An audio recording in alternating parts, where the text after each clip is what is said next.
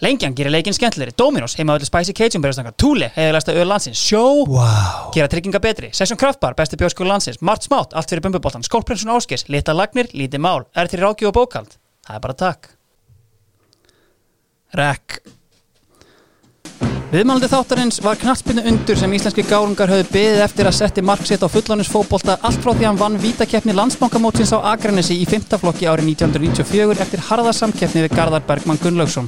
Árið 2000 spilaði hann sinn fyrsta leik í meistaraflokki þegar hann skallaði boltan í stöng og inn fram hjá varnarlausum hjörvari haflega sinni í marki valsa en 17 ára gamall og leita ekki um öxl eftir það.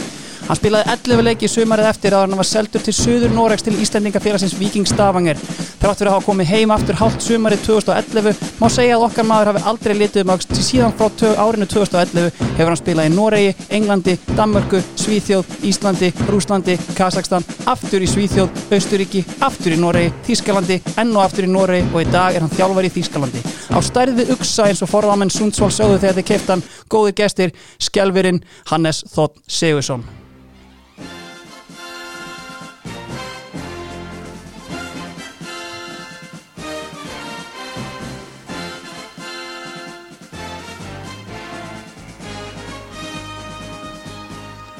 Blessar Hannes.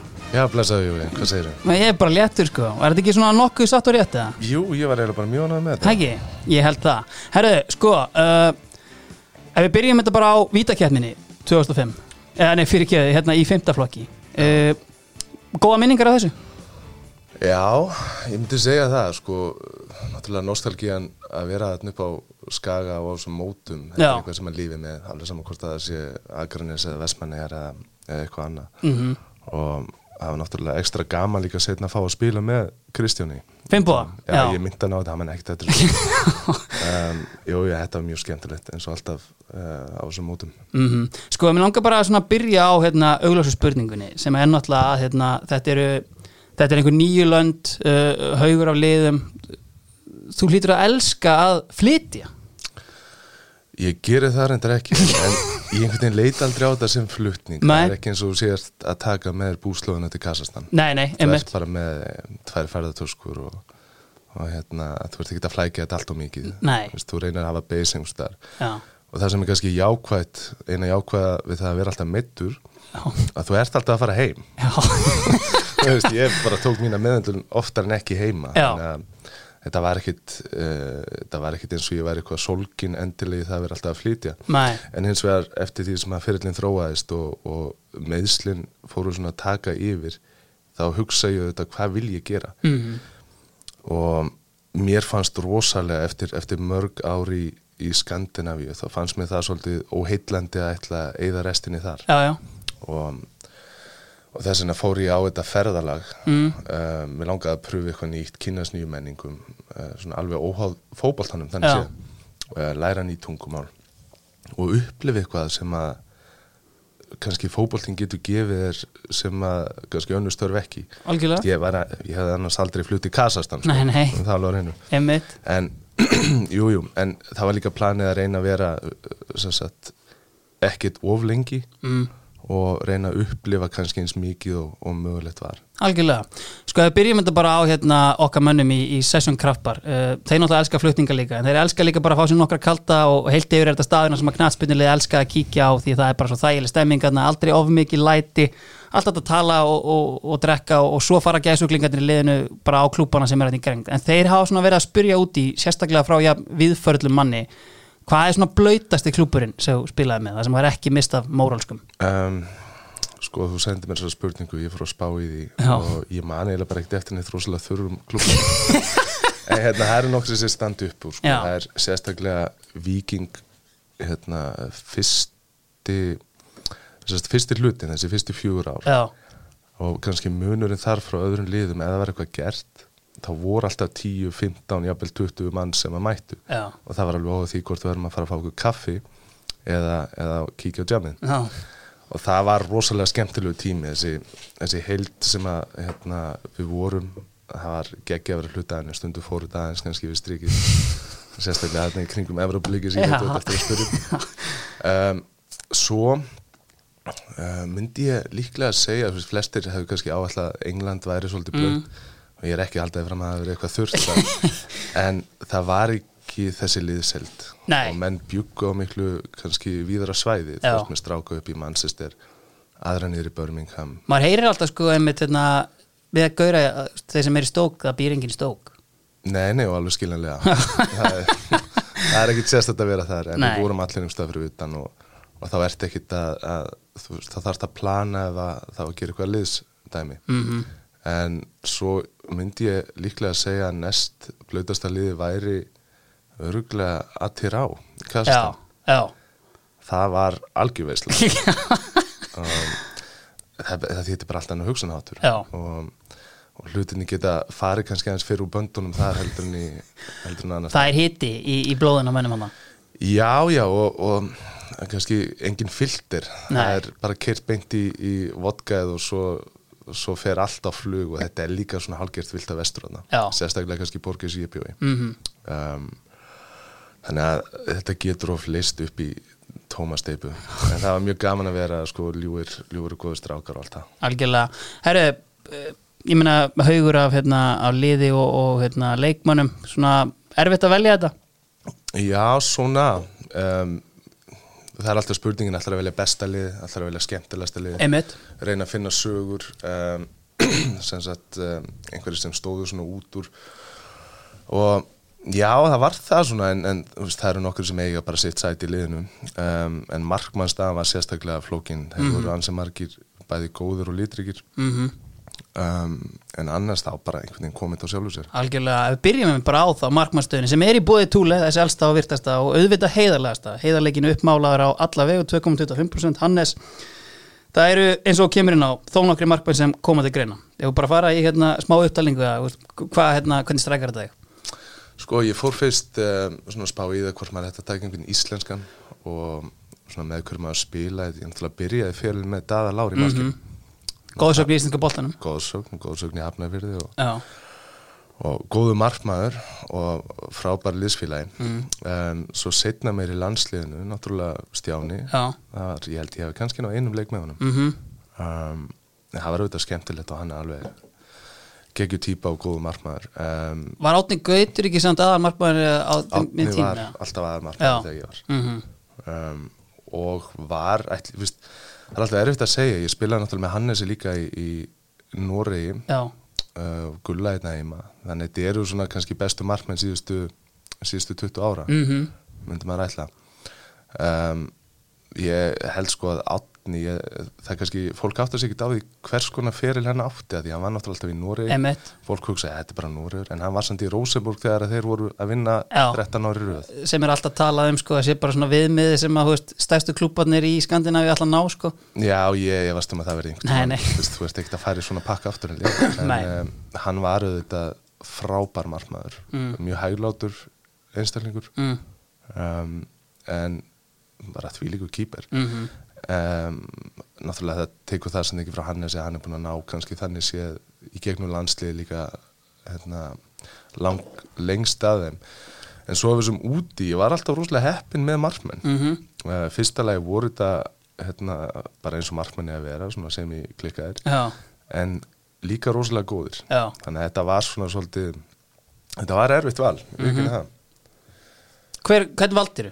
ég Byrjum á því. endaði á því að velja markmann í rauninni, það eru svona ymsar ástæði fyrir því. Já. ég ætlaði að velja, að velja Tómas Mýri Já, um, bara því við náðum líka mjög vel saman og erum ennþá miklu tölurverið bandi. Mm, eins miklu bandi og ég er í við nokkuð mann í minni búblu þarna í Ískalandi um, en ég því að velja markmann sem ég spilaði kannski hvort það var einn, tveir eða þrý leiki með. Já. en það er líka bara út af því hvers konar hérna, karakter hann var, hann var náttúrulega frábæra fyrir mm. Og það er Eddie Goy. Emmett, Chelsea legendið með einhverja al eftirminnilegustu mottu sem að hérna, menn mun eftir. Já, og hárkvæsli stíl. Já, hérna, náttúrulega gríðarlegur áhuga maður um Eddu Gói var, var þetta jafn mikil kongur og hann leit út fyrir að vera?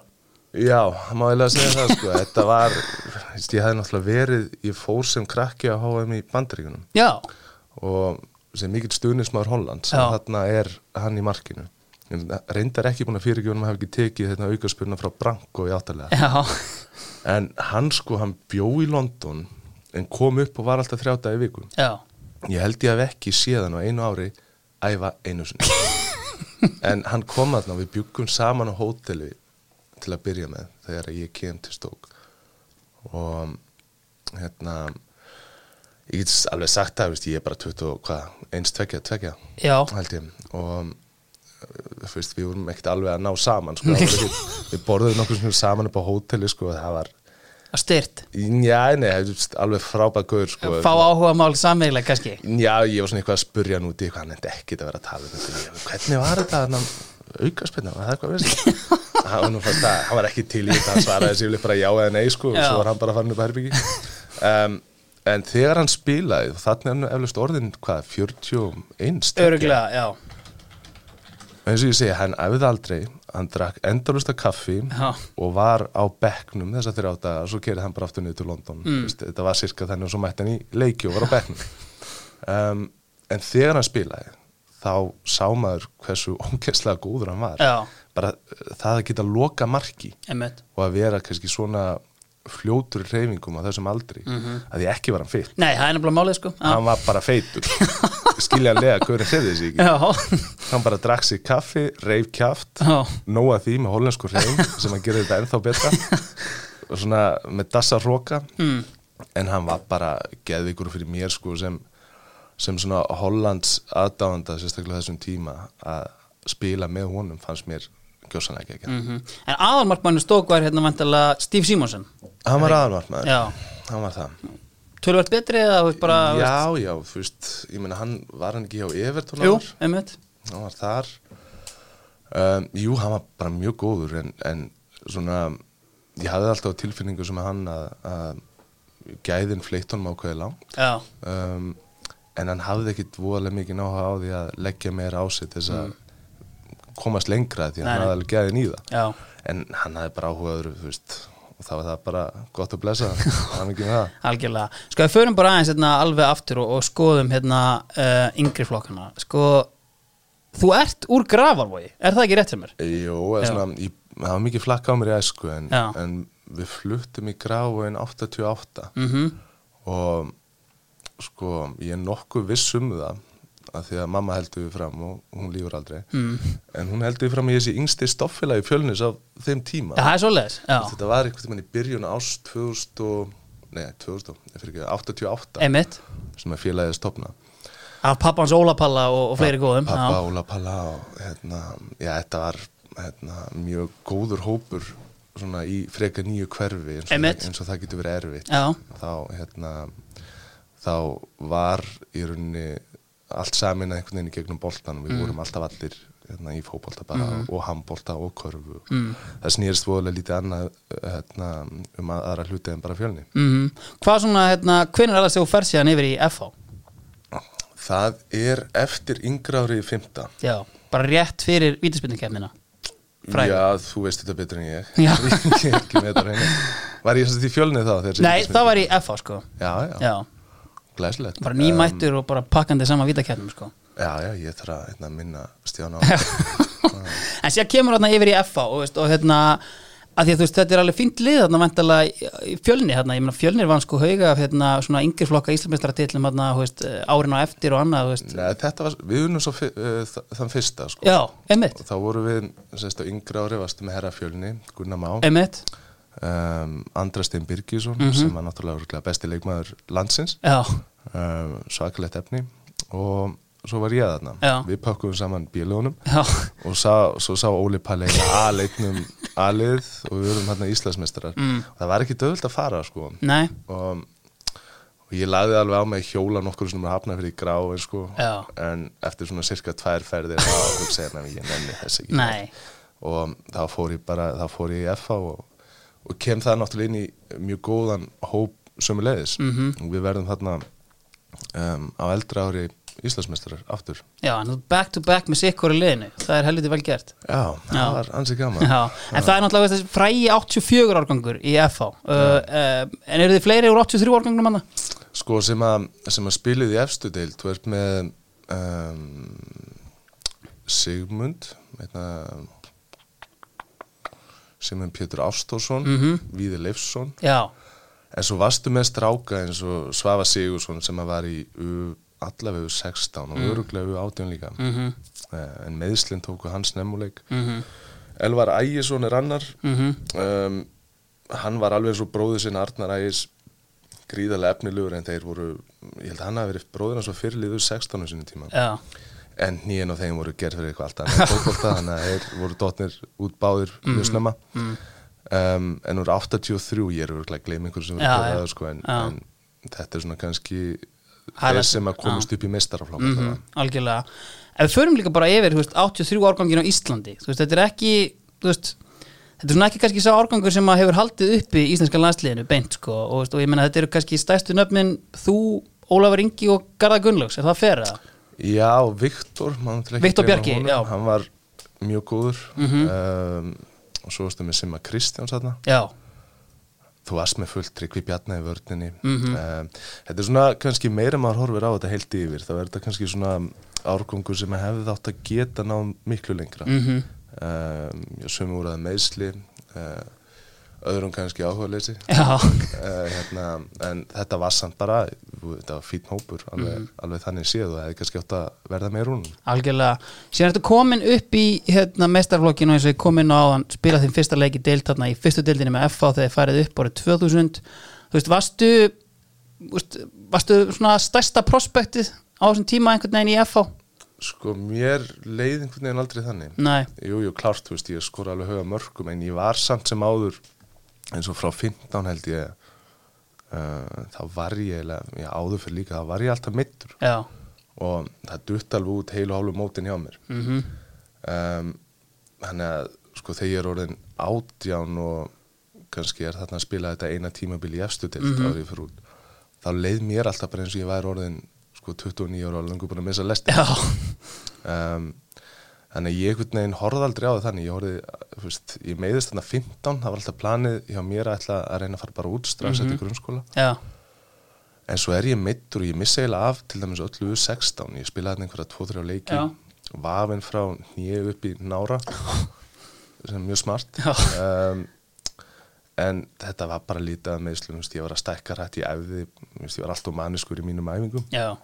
Og fór svona svolítið overboard eins og ég reynda að gerði eiginlega bara alla fyrirlega um, Jú, jú, öruglega, öruglega hérna, svaka efni en, en hérna ég einhvern veginn leita aldrei hugan aðeim En svona minninga kannski frá þessu tímabili þarna, veist, ég meina, þegar þú kemur inn á 2000 og síðan 2001, þetta er náttúrulega kannski uppafið að svona velgengni FH að mörgu leiti og með hann að gæja eins og Heimi Guðjóns og Hötta Magg og svona skemmtilegu tími þegar þú lítið tilbaka Já, mjög skemmtilegur og, og hérna, ég held að það við líka verið holdt fyrir félagið að þú veist að fá þarna upp árganga sem að kannski þekki ekki annað en að vinna. Einmitt, og það er ákveðið hugafar sem var búið til hjá FH og náttúrulega bara þjótti þeirra þjálfara sem að voru að vinna í því. Mm. Linur Eiríks, Lúðvík Arnars. Um, þannig að þegar við erum að koma upp þá fannst okkur ekkert annað ásættanlegt heldur en að vera að fara að vinna. Það tók mm. alveg nokkur ár og Já. við vorum kannski flesti farnir að, að það fór að skila sér. Já, en það var rosalega gaman að koma upp með þessum hópi. Mhm. um, í líka lið sem að Lógi var búin að búa til sem að hann var í raun að búa til ákveðin kultúr þú sér að Heimir kemur uh, þá frá Ía held ég. Já, Heimir Guðjóns. Óli Adolfs Einmitt. sem er geggjutýpa uh, apotekarinn já, og svo tekur hann inn Frey Bjarna allir, allir viðar kemur inn.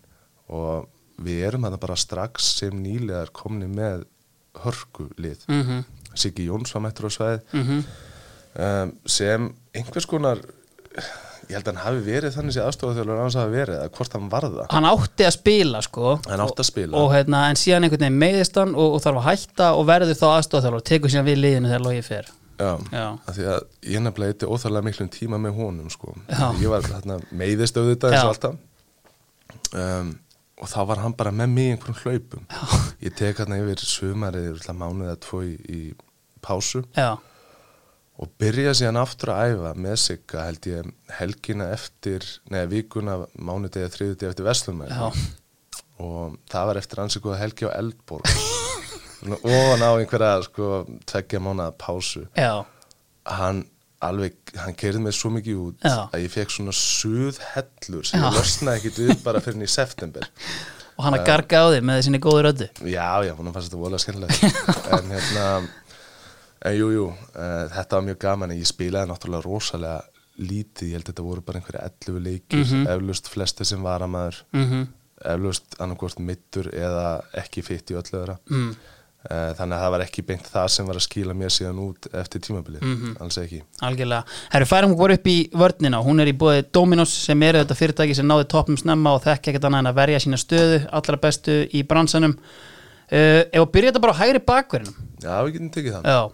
Hvað, hérna, hvað bjóðu upp á þar? Við bjóðum upp á Maurice Alexander Ross Já. Þetta er gæði sem ég tjekka á sko og veist, bretti sem að samt svona er með eitthvað sem að brettar hafa ekki oft og það er svona þrá til að sjá eitthvað annað en Bretland. Það er alveg hárið Já. Þannig að það er endur enga þrá að læra neitt á þessu tungumálum en breytar Já. En hérna, hann ánáttúrulega sko ekkit kannski ósvipaðan fyrir og ég það svona byrjar þannig sér ágætlega þú ert að komast á einhvern ákveðin stað Mhm. en, en svo svona kannski detta hjólinn undan á þessu vegna meðsla eða, eða annar þátt en hann er til dæmis þegar hann er elvist bara 19, 20, 21 Mm. þá er hann í hérna, Glasgow Rangers liði sem að verður einhvern, hvað, tvisva meistari Já. vinna þrennuna Mm um, og hann er þar sem eini skotin í liðinu Já. og þú veist, þá ertu bara með De Boer uh, Artur Núman ég Einmitt. átt að tjekka á þessu þetta var svakalegt lið ég Einmitt. er öll að gleyma sleggjunum á miðjunni og, og frammi Emmett. og hérna að, þú veist, bara frábær leikmaður Mhm. og kannski sá svona oft miskilin sem einstaklingur að henni er rosalega skapstór Já. og það kannski heldur fólk að hann sé alltaf bara sneldu vittlust sem hann er ekkit endilega alveg alltaf Mm. en alveg nú oft en hann er svona kannski mjög góð vinnu minn ennþá í dag Er ekki þjálfi færi? Nei, hann, hann var þar Já. með, með hérna með. hann var sko þetta, hann er eiginlega ástæðan fyrir því að ég enda í þjálfun Já. af því að þegar ég er þannig sé hættur þá er hann að þjálfa Eik Ekersund í, í norsku sétildinni Mm og ég var nýbúin í aðgerð á báðum hásinum og hugsaði með mig ég ætla aldrei í þetta aftur. Ég læti þetta bara eiga sig. En hann nuðar í mér um að koma og verða spilandi aðstofþjálfari Mhm. eitthvað sem ég hef aldrei ætlað að gera að fara eitthvað í þjálfun um, en ég geri það og ég kannski svona þakka honum það því að ég sé allavega ekki eftir því. Um, en hann er líka svona hann var rosalega þengjandi og taktískur og, Mhm. og sem leikmaður þá þá er þetta kannski eitt svona taktísk klárasti leikmaður sem ég hef spilað með Mhm. um, og var alltaf að spyrja spurningar skrifaði niður hjá sér allar æfingar hjá öllum þjálfurum sem mm. var með á ferlinum um, og þar að leiðandi hafði hann mjög sterkar skoðun á hvernig, hvernig átt að spila fótbolta Mm. sem er ekkit alltaf voðalega sniðið til út leikmann það er ekkit allir þjálfur alltaf að fíla það Nei. en, en veist, eins og í dag sko, þá verðum við báður að þjálfa hann er að þjálfa í, í Skotlandi og veist, við erum alltaf hérna, tala saman og ræða um hitt og þetta varandi, varandi leikin Mm Þú spilar með honum í, í Viking Stavanger og það er hérna, ég meina þú seldur hérna uh, til Viking uh, eftir þetta ár hérna með FH í efstu deild, ég meina þú ert hvað, 18, 19 ára? Þú veist, 18, 18 ára kamall en þá. Voru mörg, þú veist, önnur tilbúð þarna á borðinu eða? Já, já, það var alveg, þú veist, við vorum búin að vera að spila í U19 í hérna reyðlunum fyrir Europamótið mm og ég held ég hef gert sex í þremur þar. Passar um, þannig eftir það, jú, það var alveg áhugi. Mhm. um, en ég fer til Viking um, og æfi með í eina eða tvær vikur. Einhver tíma þarna að halda mér í formu og eitthvað svona. Um, og sko ég er ekkert endilega að segja að þetta hafi verið besta skrifið Nei. varðandi framtíða feril mm. en það var bara eitthvað þarna sem alveg greip mig. Um, og mér langaði bara að fara þangað eftir að hafa verið þar mást ekki hvað annað var í búið þarna? Mm, Já, var eitthvað í Hollandi og, Mm. og Englandi. Mm en um, og þú veist, auðvitað svona kannski í dag að maður lítið tilbaka af hverju ekki að fara til Englands, ég var alveg með skrokkin í það þegar ég var átján sko. um, taka smá neðri deildar eitthvað, það var þetta championship á þeim tíma. Já, um, en neina, ég sé ekkit eftir því, það var bara það var rosalega skemmtilegt. Algjörlega. Ég meina, og er ekki bara eitt af þínum fyrstu verkefnum að tilla ára bekkin að móti Chelsea í Júfaböggarnum? Já, það er sko fyrsta tímabilið Já, um, sem að var ansi skemmtilegt tímabil. Fórstu beint bara inn í aðalið Ég fór bara beintinni Já. alveg Ég var reyndar þvingaður einhvern tímann til að spila held ég einu sinni með unleika liðinu Já, og mér varst það ekkit voðalega skemmtilegt. um, en þarna varstu líka með varalið þannig að þú varst á bekknum í aðliðinu og varst að spila líka með, með varaliðinu. En þetta byrjaði vel sko. Ég er þarna komin með bara fyrir mörg mjög fljótlega og svo er einhvern tíma tilkynnt um þjálfaraskipti eftir tímabilið. Mhm, og ég fer þannig viðtal og það kemur svolítið svona rámt út hvað ég sagði, það er verið að spyrja mig eitthvað út í hvað hérna uh, ertu spenntur? Ég sagði, já, ég bara get ekki beðið það verður alltaf gaman að vinna með honum Já. og það kemur svona út, bara Hannes getur ekki beðið eftir að fá nýja þjálfara eitthvað svona, bara eins og ég væri einhver algjör hundur sko. um, og Benny Lennarsson sem er svona sem er algjör karakter og í rauninni bara kvöld fígura í stafangar eftir það sem hann hefur gert þar mhm, og ótrúlega skemmtileg ég myndi segja þetta að vera svona Logi Ólafsson típa, já, velfindin alltaf eitthvað að grínast og fýblast. Um, við hérna unnum alltaf þetta eina ár, unnum við mjög vel saman og hann var gríðarlega duglegur að, að vera með mig á aukaæfingum og, og hérna, við mig mjög fljótlega sko, þú farið engan frítag sko, við erum að taka þetta batnaspikaðir og hann skóð mig niður í einhver 84 kíló og ég ger eitt annað en að sofa æfa þarna fyrstu mánu en það alveg skilaði sér inn í byrjun tímabilsins. Mhm, um, en svo eftir þetta viðtal held ég hafi bara ekkert spilað aftur deildaleg já, um, en hann var hins vegar mjög yðin og natin við aukafinga með mér. Mhm, alveg gjóðsannlega óum beðið frá minni sko. hann bara, þú er eftirunur og svo var hann bara, við vorum að vinna í ákveðnum hvort sem verið tekniatrið eitthvað Mhm. alveg geggjöðu þjálfari. Mhm, og svo eru þarna spilumóti Chelsea mitt já, og fyrir leikur nýr í London og þarna er ég svona að finna ok, það er nú, hann er að fara að spila mér aftur núna, þú veist. Ég er alveg nokkuð handviss um það. Um, ég gerði hins vegar þau mistök að bjóða Óla Skúla og Helgaval á leikin og þeir eru þannig sætum beint fyrir aftan bekkin og ég held að séu svona um þú byrð 30 sekundur búnar þegar að Óli Óli skúla byrjar í stúkunni. Og bara, Benny Benny Benny er alltaf eitthvað að horfa upp í stúku og eitthvað, bara inn på með Hannes! Náttúrulega gulltriði það ég var aldrei að fara inn á. Og hann, hann, held, hann stoppaði ekki. Þetta var alla leikin og Benny var alltaf að horfa upp í stúku horfa á mig, ég bara, herri, ég get alveg fara úr skónum sko, ég á. Um, og hérna, við töpum þeim leik 2-1 mhm. Með þetta er sko svo ég grípi inn í, þetta er bara lið, þetta er Príja Abramovits en þetta er sko, þú veist, út með Frank Lampard John Terry, Ranieri er að þjálfa, þú veist, Petit er að inn á miðinni með Lampard og Hasselbank upp á topp bara. Já, alveg buff. Já, Þetta var hörkulið, sko, ég man eftir hérna fundinum að því að hann, Benny Lennartsson, hann uh, leita á sig þessi svolítið frönsku síni hún annars var frönsku kennari.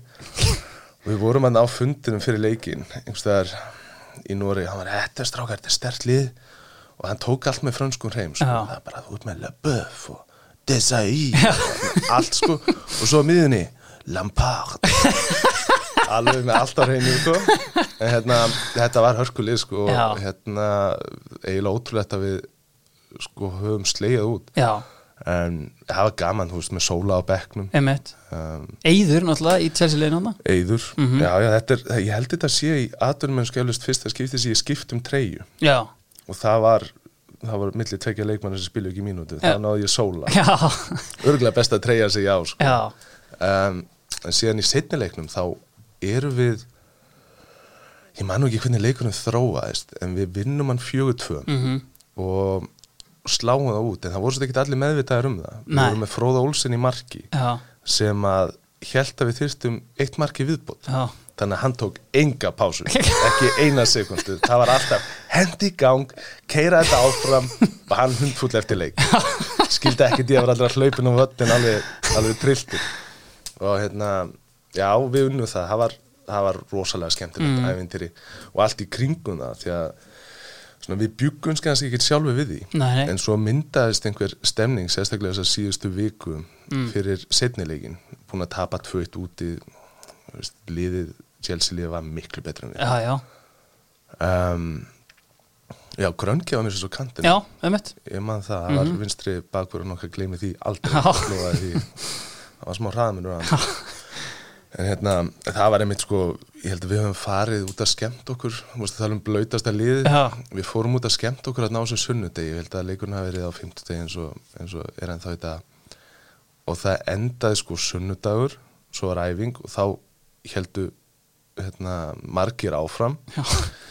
og svo skils mér, ég var þetta ekki vitnaði en að alveg ágætis hópur hafi líka haldið áfram á þriðum það hafði engin áhrif sko. þetta var, þarna, stemningin var bara svona, þetta var alveg geggjöður hópur. Algjörlega, sko, meina þetta er haugur að leikin sem spilar hérna með Viking hérna fyrsta skipti sig á ertarna uh, ég sá einhvers staðar að þetta hefði samt verið mestmægnis af, af bekknum og þú orðin einhver svona óleikunar solskir supersub uh, á tímabili, er það, er það rétt nálgun á þetta? já, ég er svona með við mínútur Já. og mörg Þú mútt að setur, hérna, þú ert þarna einhver tvö tímabili röð sá maður sem er með flest mörg með að við spilaða mínútur já, já mm. það, það getur bara hattinum sko. Nei, þetta var, sko, jú, þetta er alltaf sambland af meðslum um, og kannski þegar þú ert að tala um unga leikmenn mm. um, ég, veist, ég leit aldrei á mig þannig en, en ég held að það var alveg fleiri ekki gert það heldur Nei, nei, það er kannski að því að ég lít út eins og ég, er stærri heldur en kannski margir. Já. kom með skalla tvítur, það var enginn að hugsa að þessir ungur efnilegur var að spila en á sama tíma var hann kannski einhver 23 ára nor, uh, normaður. Já, með full set of hair bara, já. Veist, um, já, hann er ungur, hann verður að fá að spila svo ég hérna sköllóttu tvítur hvað með mig. En jú, jú, þetta var jú, við vorum með góða strækjur og allt þetta en Já. þetta var mikið af bekknum bara því miður og þetta var auðvitað mjög frústrænandi því að þegar að ég spilaði þá gerði ég það vel. Já, en hins vegar er ég líka á þessum tíma eins og ég var allan fyrir en ég var alltaf að díla með Já, já. það spilaði náttúrulega líka hérna, ansið stór hlutverk. Kemur þetta inn mikill meistari að þjálfa Viking Stavanger? Uh, Roy Hodgson. Uh, hvernig voru svona kynnin af honum? Þetta var sko um, eflaust fyrsti þjálfari sem ég hafði á minni æfið þar sem að ég mér bara leið ok, nú er ég virkilega að læra eitthvað, sérstaklega taktist Mhm. það var ekkert alltaf gaman. Nei, og stundum varstu bara með ég held við höfum verið með shadow 45 minútur á dag í svona cirka hálft ár. Já, og það var ekkert margar breytur í því. Nei. En þú vissir líka endanum nákvæmlega hvað það er að gera. Og þetta er því líkur karakter. Svona allt öðri sem heldur en, heldur en margir halda myndi ég segja. Og svo fyrsti fyrsti þjálfarinn sem að ég hafði sem var ekki að hafa reynt rosalega áhyggjur af hvað ég var vilturinn á velli eða hvernig skapið mig var og hann bara, veist, ef að eitthvað gerðist þá hérna, var hann meiriði bara að hlæja og hafa gaman sko. og við náðum alveg rosalega vel saman mm. um, en, en svo út af við þá kemur hann alltaf fyrir sem þessi kannski enski herramaður. Einmitt, hann er svona svolítið avatýpa einhvern veginn, svona, veist, það er svona mín kynni allan einhvern veginn á honum. Já, en svo kemur í klefan sko, þá er þetta bara svona algjör kokni hundar setningar hjá honum stundum sko. þetta er ég man einhvern tíma þá erum við veist, það, að að það er svo mikið veist, það er náttúrulega ego eins og í mönnum sem að ná kannski svona langt. Mhm. það er þú ert aðeins drifin áfram að því. Mm en svo hann var alltaf fyndin og þessar setningar þegar við vorum að skemmta okkur síðan þetta lið við eittum örgulega hálfu kvöldin í að tala um hann. Já, tala um þjálfaran okkar. Já, það var einhver tíma þá var eitt leikmaður búin að vera alveg að slátra mér sko þá veist, það var allt svona fleikt svona fleigasetningar mm -hmm. bara he's all over you like a cheap suit. Og, og, og svo kemur hann bara með einhvern algjöran sorakjaft sko. og þú veist eins og, dæmi um típuna þá það var einhvern tíman að, gjörsalega jarða okkur við hann tapa einhverju leik. Og er þarna langlaunaðasti þjálfari örgulega ekki bara Noregs heldur skandi. Og þá kemur einhver stjórnamaður og opna dittarinn í klefa. Mm. og hann bara fyrirgeðu, fyrirgeðu og ráði eitthvað, nei, nei, ekkert mál, komdu inn inn. Og var bara þessi herramaður sem hann alltaf er. Og svo lókuðu styrnar og þá aftur var þann var þann svona þessi róð sem við þekktum. Já, og þá var hann einmitt að sko, segja okkur að veist, ég skil í því að veist, hvað er ég að gera hérna? Reyna að kenna ykkur knaspinu sko fyrir pocket money. Horfir á hérna stjórnamannin þegar ég ætti að vera í Mónaco að reykja vindla svo bara svona starri undir lofti og það er bara þögn. Svo laði bara nút þetta er svona ég man að sko Breiði Hangeland hann tók allir þess að punkta saman. Ég þarf einhvern tímann að fá þetta hjá hann þetta, er, þetta, hættir ekkert sko. Nei. þetta er bara örgulega heil bók af akkurat svona momentum já. Þannig að það er, það er mjög gaman að vera með hann og hérna og ég er bara þakklúta fyrir að hafa fengið að vera með svona stjóra. Algjörlega, færum okkur bara inn í hafsendana. Og maður ráða bara á konum þú byrjar. Hverja, hverja enda ég með? Það er góð spurning. Við getum byrjað á þeim sem þú varst að Byrjum nefna. Að breiða Breiði Hengeland Já, uh, Gaur sem er auðvitað bara með þú veist, einhverja 250 leiki í Premier League og, og Top Guy og spila með hann í Viking hvort hann er ekki bara fyrirlið í Viking þegar þú ert er fyrirlið ungur á árum sko. Hann var ráðin fyrirlið mjög ungur. Þegar ég kem átján þá var hann eflust næst yngstur. Mm Er þá 21 vantilega, ekki 80 ára gerst. Jú, Já, um, það er runni kom ekkert á óvart hvað hann skildi ná lág nei, um, hann er 81 já hann er einmitt. 80, hann er tjómanum eldri mm. okay. um, það var líka með hann sko, hann spilaði oftar en ekki á miðjunni með sína tæpu 2 metra Já, og leisti það bara ljómandi vel Mhm. og það var alltaf klárt svona hvert það stemdi hjá honum en hann eins og var, var alltaf mjög rólegur Mm. yfir því, þú sér það við erum þarna saman í fjögur ár hvort ef að hann farið síðan til FC Kaupmannahafnar bara nokkru mánuðum Já. eftir að ég fyrir til Bröndi Stoke. Já, Stók, já, einmitt og er þar með þessu, það var alltaf svona hann var ekkert að flýta sér í eina en einu Nei, menn hann er bara einmitt, 27 ára eða eitthvað þegar hann fer til England sko. Hann fer mitt frekar seint með hvernig, hvernig hann hefði getað eða átt að fara. Já, en eins og það svona eftir á að higgja eflaust bara hár rétt skref hjá honum. Um, góðu leikmaður mjög þroskaður en dórinn fyrirlið hvaða tvítur. Mhm. um, og eflaust svona kannski heilstift, heilstiftasti varnamaður sem ég spilaði með hérna, í félagslega bólta mm. skemmtilegur? Já, já, alveg húmor í honum en, en frekar, frekar róluðu bara.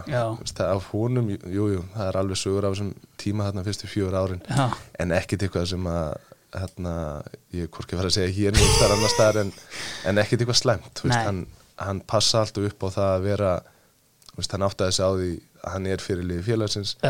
Um, og var alltaf mjög meðvitaður svona um, um sína stöðu og hvernig hann kom fram við, við fólk almennt. Mm þannig að það er ekki, hann er ekki liðina því að það er einhver að gegja sögur á nákvæmlega. Hver er með honum í hafsendinum? nú er þú að segja mér, vorum að hvað að ræða þetta í gær. Sko ég sem harðasti Clint Hill maður landsins uh, kongurinn og kúpjar sem spilaði með í stók ég, sko, ég hefði gaman að að hafa hann þarna en þú veist, ef þú ert með eitthvað annað þá, sko, einmitt, vorum að ræða þetta. Þetta var, hefði ég hérna, hefði ég, tökum hann bara. Já, hefði ég tekið einhvern annan þá hefði það verið Sverri Garðarsson Mhm. inn á það. En það er sérst fyrir meðsli Sverri Garðarsson. Já Prísundsval það er allt annað leikmaður heldur en eftir um, skiljanlega, ég held að hann hafi tví brotnað að báða möklu Mhm. sko tvísvar eflust, Mhm. það er hjólastólum tíma. Mm, og það að ná þeim styrk og verandi kannski bara hálfu leikmaður ekki bara það að vinna deildina einna heima og, og gera það vel heldur en að komast út í já, og verða svo bara ná- í handbólta já, og ná landsleik. Þetta er á ónýttu líkama þá segir þetta svolítið mikið um hugafarið ég hef mitt heyrt bara, þú veist, menn, þú veist, það er eiginlega sama hvernig ég fæ svona úr þessu FA og bara, þú veist, Sverri Garðars þetta er kongurinn já sko þarna þegar við erum í 21 þá er ég 21 og eitthvað í aðliðinu líka þá var þetta bæ far erfiðasti anstæðingur sem ég hef haft. Mm gjörsamlega geggjöðvartna já, og hefði meðslingi hérna, skemmt fyrirlin þá hefði hann átt alveg eðslega fyrirl, ég er alveg að segja það. Algjörlega, en sko Clint Hill við erum tveir hérna á Íslandi í íslenska Clint Hill klubnum, ég og Haukur Páll Sigursson fyrirlega vals, sko, ok. þú veist bara er þetta ekki jafn mikill kongur hann lítur út að vera? Þetta er algjör topp maður já, Þetta er svona svipu típa og kannski breði. Mjög ábyrða fullur einstaklingur og ég hlustaði á hérna ég hlustaði á þáttinn með honum Þórið Guðjónssoni mm Mhm. með, með, með okkur hérna hjá Stók já, og það er alveg rétt sem hann segir um 90% af þeim hópi. Já. En Clint Hill var einn af þeim. Um, Clint var bara svona yfirvegu típa og ég get eiginlega fært allt sem ég sagði um breði yfir á hann. Mhm. en hann var eins og vegar rosalega meðslapísi mm. og það að sjá hann síðan setna meir með QPR í úrvastildinni uh, fer síðan til Rangers Mhm. er þar og ég held að hann hefði spilað alveg til 37 já, já, hann sko bara semi nýhættur nánast sko, þú veist einhvern veginn svona, þú veist. Sko með við skrokkin á af því að hann var nú ekki sterklega byggður á þessum tíma. Nei. hann var bara, hann leit alls ekkit út fyrir að vera vartamann nei, en hann var fyrirlið liðsins svona þegar hann þegar hann snaut við.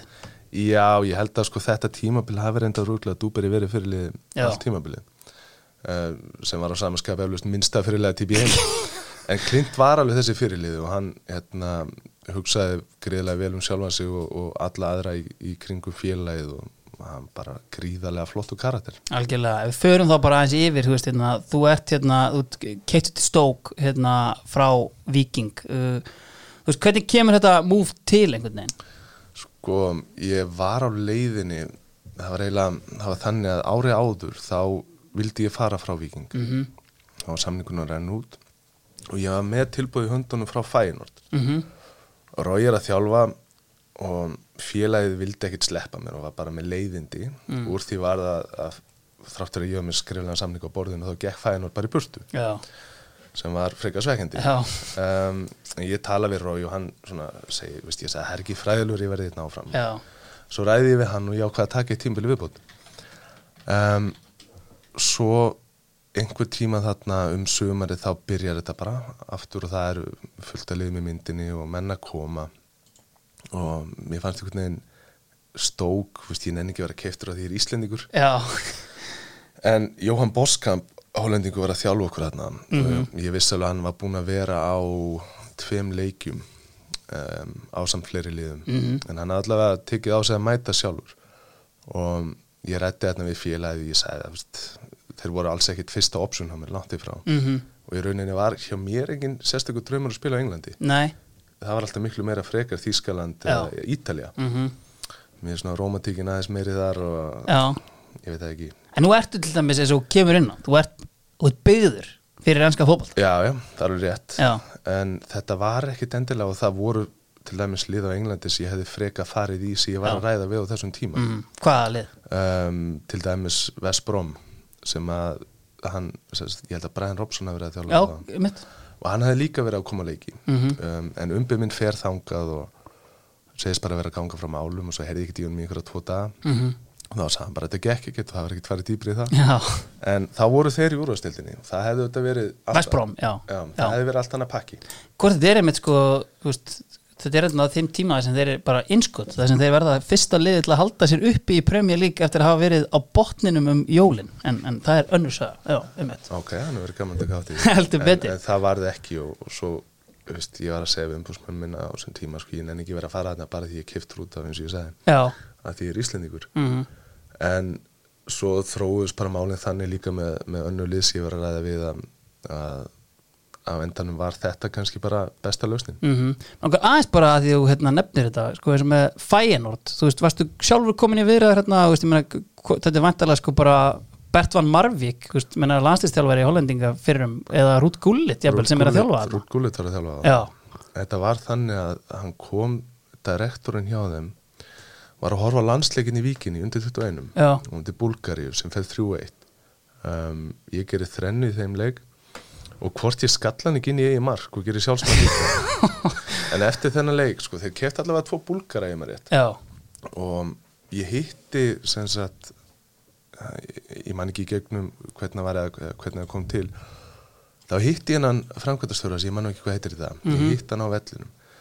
Og hann setur sér mjög fljótlega í samband við umbúðsmann minn og ég er bara komið með skriflegt tilbúð mjög fljótlega eftir þetta svona upp á, upp á mín kjör. Mm, en svo byrjuðu þessi leiðindi veist, þeir vildi ekki sleppa mér á þessum tíma nema gegn einhverju. Mm. erum við að fara að býða þá til eftir tímabili því þá hefði samningur raunnið út. Já og um, þetta súrnaði vist eitthvað svakalegi sem blessuðu viðræðum og, og svo held ég að Gullit hafi verið farin út mjög fljótlega Já, hann tók bara eitt tíðan byrðna Já, og þá var eitthvað fyrir og Já. hérna, það varði aldrei neitt úr þessu Hittir ekkert hann Gullit það? Nei, nei, nei, Nei. ég heit hann ekki neitt Nei, Herri, en þú, eins og þú segir, þú, þú fer til stók og það er náttúrulega Jóhann Boskamp og, og fyrir áhuga sama þá getið fengið skoðun Þórðar Guðjónssonar á, á Jóhann Boskamp í, í þættinum þar sem ég talaði við hann en svona, veist, kom hann til Englands uh, veist, hvernig þú veist, blasti þetta við þér, svona fyrsta kastið?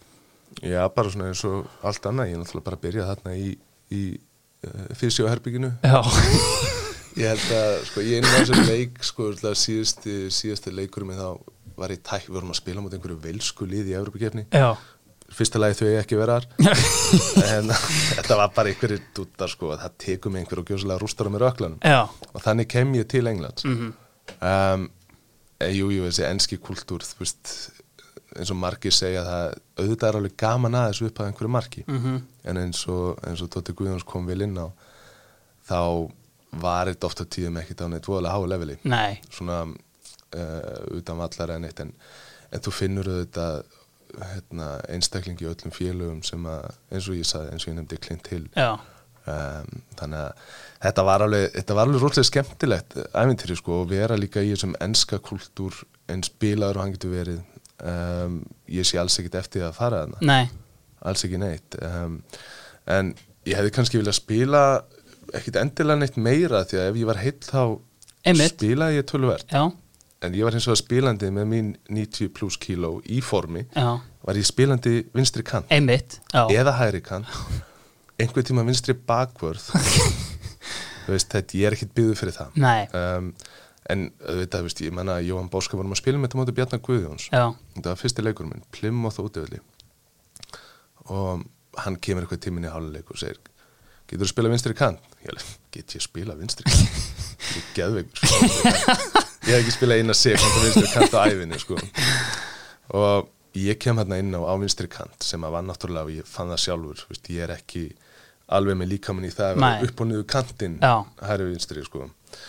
en ég festist að- svona nokkurn veginn í þessu hlutverki sem að var síðan og leiti til rifrildis innan félagsins bæða á milli Boskamp um, De Kooning, aðstofamannsans þeir hættu mér sér að tala saman á tímabili já, sem var mjög fyndið í rútunni á leiðinni leiki af því að þá sátti ég á móti ykkurum öðrum. Já, annar horfði í þessa átt, hinn og hinn átt og það var bara þögg þetta var geggja en það var einhverju leik á móti Coventry og veist, auðvitað var ég ekkit ég vildi ekkit spila þessa stöð en Nei. auðvitað spila ég freka vinstri kant heldur en að sitja á bekk. Um, og hann sagði þetta einhvern veginn við mig sko, hann sagði bara, herðu þú ert bara ekki nú stórt þess að spila sendur hann sagði, ég gleymi því þetta ekki sko, þú er betur gemtur á kantinu þá varum við með mamma síð DB frammi Já, sem er örgulega 2-3 cm já, um, en um, ég held ég að einhvern veginn í lokin ég fekk að mitt á móti í þínu liði QPR já, þá spilaði ég sender og ég held á móti Cardiff líka. Já, og þar hefði ég átt að setja 2-3 já. Og svo setja hann hann á móti QPR og fljótlega eftir það þá enda ég bara tímabilið á, á hérna nára aðgerð ég hætti tímabilið hans að snemma. Mhm. en þarna var ég komandi frá Noregi um, búin að vera að í eitt og halvt ár. Mhm, náttúrulega með góðum pásum hérna í já en þá ertu náttúrulega í, í meðhöndlun og, og æfingum. En á þessu tímabili hérna einhver tíman um veturinn þá, að því að svona langan tíma án þess að taka almennlegt frí hefði ég aldrei gert áður. Mhm, og hef ekki gert síðan. Já, en ég lendi á mesta vegg sem ég hef lendi í Já. á æfinni mm, ég hefði ekki getað spila sendingu til þín sem er tvei metrur frá mér. Það var ekki fræðilur, Já. það gekk ekkit upp. Já, ég spilaði samt sem aður einhvern því að við spila vel eða ekki það er eins og allt annað mál. Algjörlega. Þú ert þarna, þetta eru svona endalokin hjá, hérna, svona á þessu íslenska ævintýri þarna í Stók hvernig var svona að vera þarna í kringum klubbin og, og kannski, veist, ef ég hérna hugsa þetta skilur bara svona, veist alltaf eitthvað svona væp skilur ertu hérna bara því út Íslendingur og eignarhaldið íslenskt og var þannig væp eitthvað í gangi? ég bara fann alltaf það ekki fyrir Nei, en já, þú veist það hefði eflust verið betra kannski að vera ekki íslendingur. Já, en ég hins vegar fann vola lítið fyrir því. Já. Gunnar Gíslason er hérna formaður einhvern veginn, uh, er hann mikið að mæta nýri klefa eða? nei, nei, ég þurfti að díla við hann eflust kannski tvís og þrísvar og, og hérna já, ég segi nú sem minnst um það. Þú veist, ég held að það bara verið mjög hérna, góð ákvörðum fyrir alla eða málsins að, að hérna, þeir hafi selt þetta. Þá selja þér þetta einmitt og, hérna, þá náttúrulega er ráðinn aftur uh, Tony Poulis sem hafa náttúrulega verið rekin fyrir að exploit ekki the foreign transfer market nógu vel á, á sínum tíma og boskampi ráðinn inn. Já. að þú tekur þetta prísísun og aðeins starti með konginum, Poulis Ég tek það með honum, sko, þú getur alveg sagt það sem þú vilt og, og eins og allir, ég held að allir Íslandir séu sammála um hvað hann sé næs. Já, og hann er það alveg. Um, og svo kannski fyrir tali líka þeim bolta sem hann spilar. Já, en það er náttúrulega í fótbolta, það er meir en ein lið til þess að vinna leiki. Og hérna, maður getur sagt það sem maður vill en þú tekur það ekkit frá honum að hann er eflust bestur í að gera nákvæmlega þetta.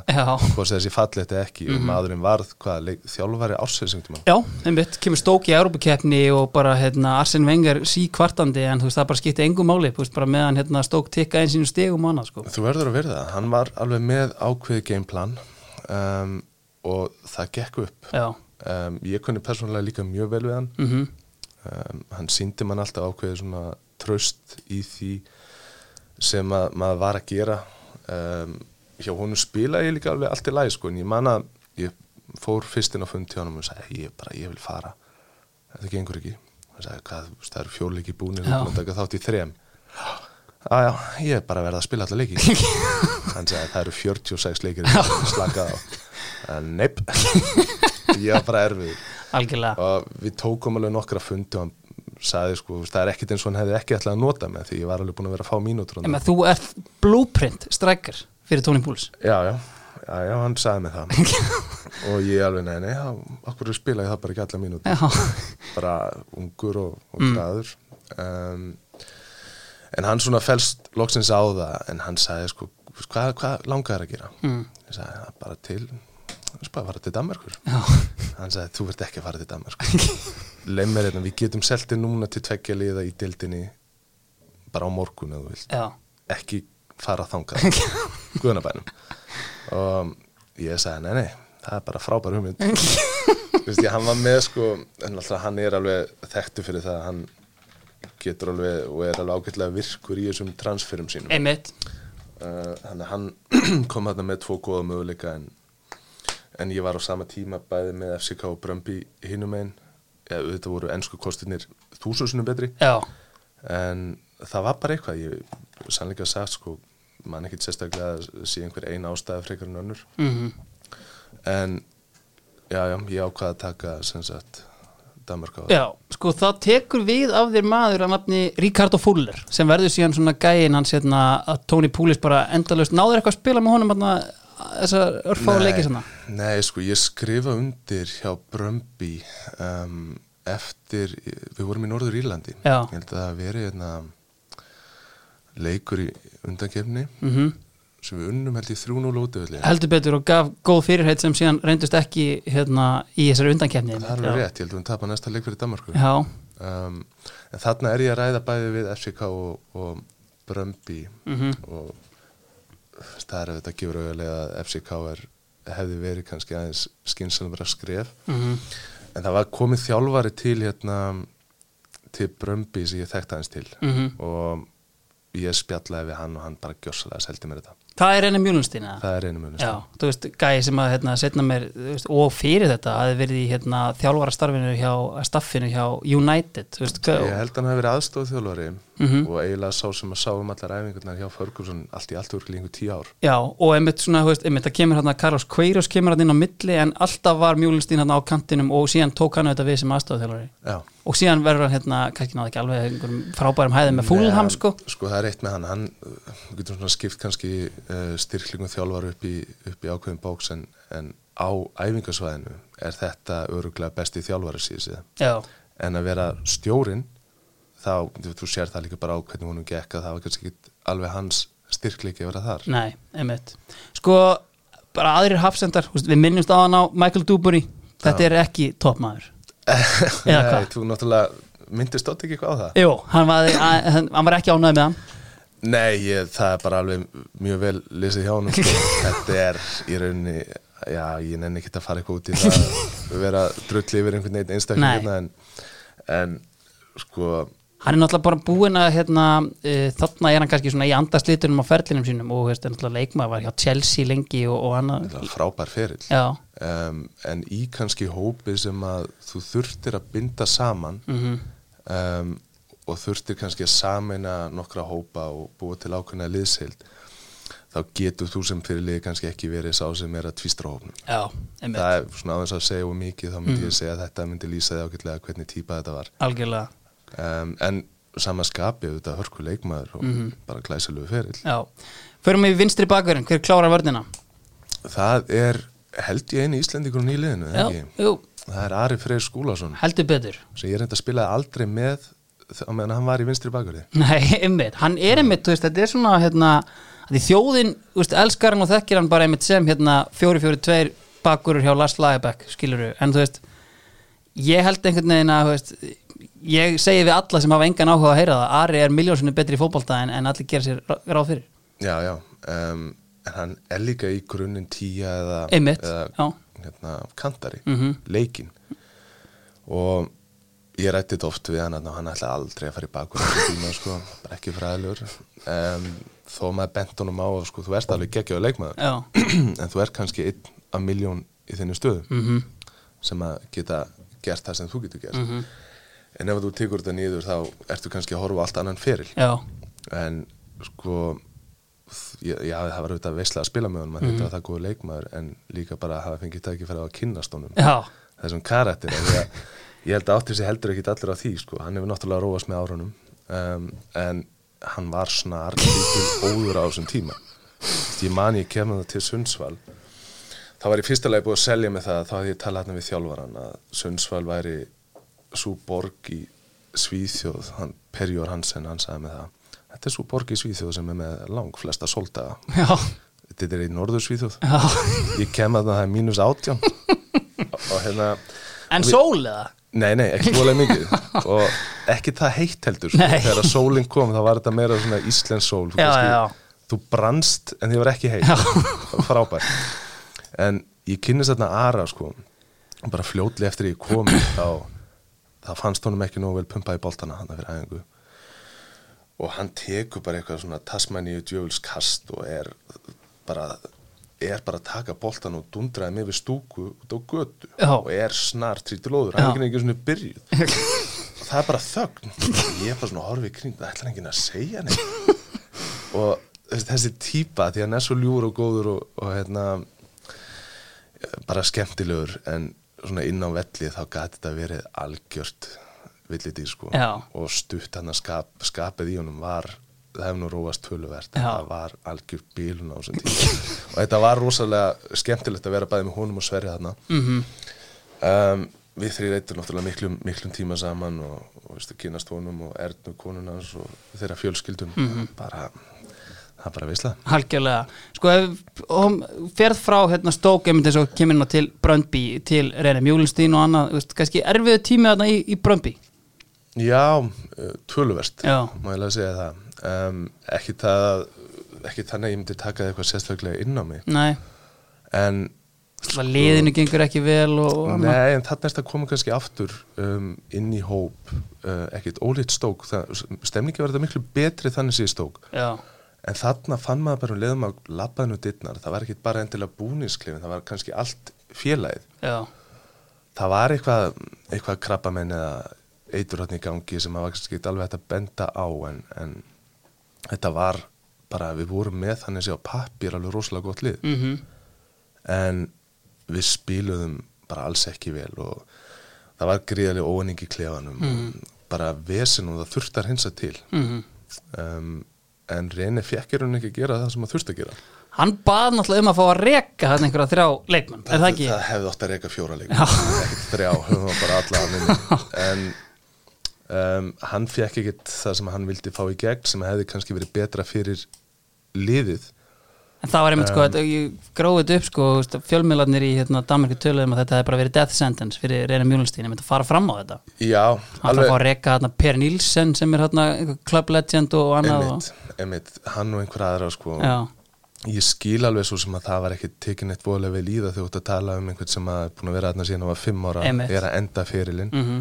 fyrirliðliðsins um, þannig að hann var í raun í ómögulegri stöðu. Já, um, og sko maður spissi stundum sko ok, hefði það verið rétt mhm, að leifa hana mhm. Eða hefði bara verið kannski réttar að, að láta þetta einhvern veginn fjara út eða, eða hérna, leifa þeim að vera áfram en, en það var alveg vitað sko meðan að andrúnslofti var eins og það var á þessum tíma þá myndi félagið ekkert ná árangri. Mhm. sem eru þetta leiðilegt þegar þú ert að horfa á svona stórt félag eins og Brömbi er. Mhm. og þú ert með allt til alls til þess að ná árangri. Mhm. en það eru þarna ákveðni þættir og ég er ekki að segja sé endilega þessi eini leikmar því að það er alls ekki tannig það það er alltaf tölvur flóknara heldur en það. Mhm.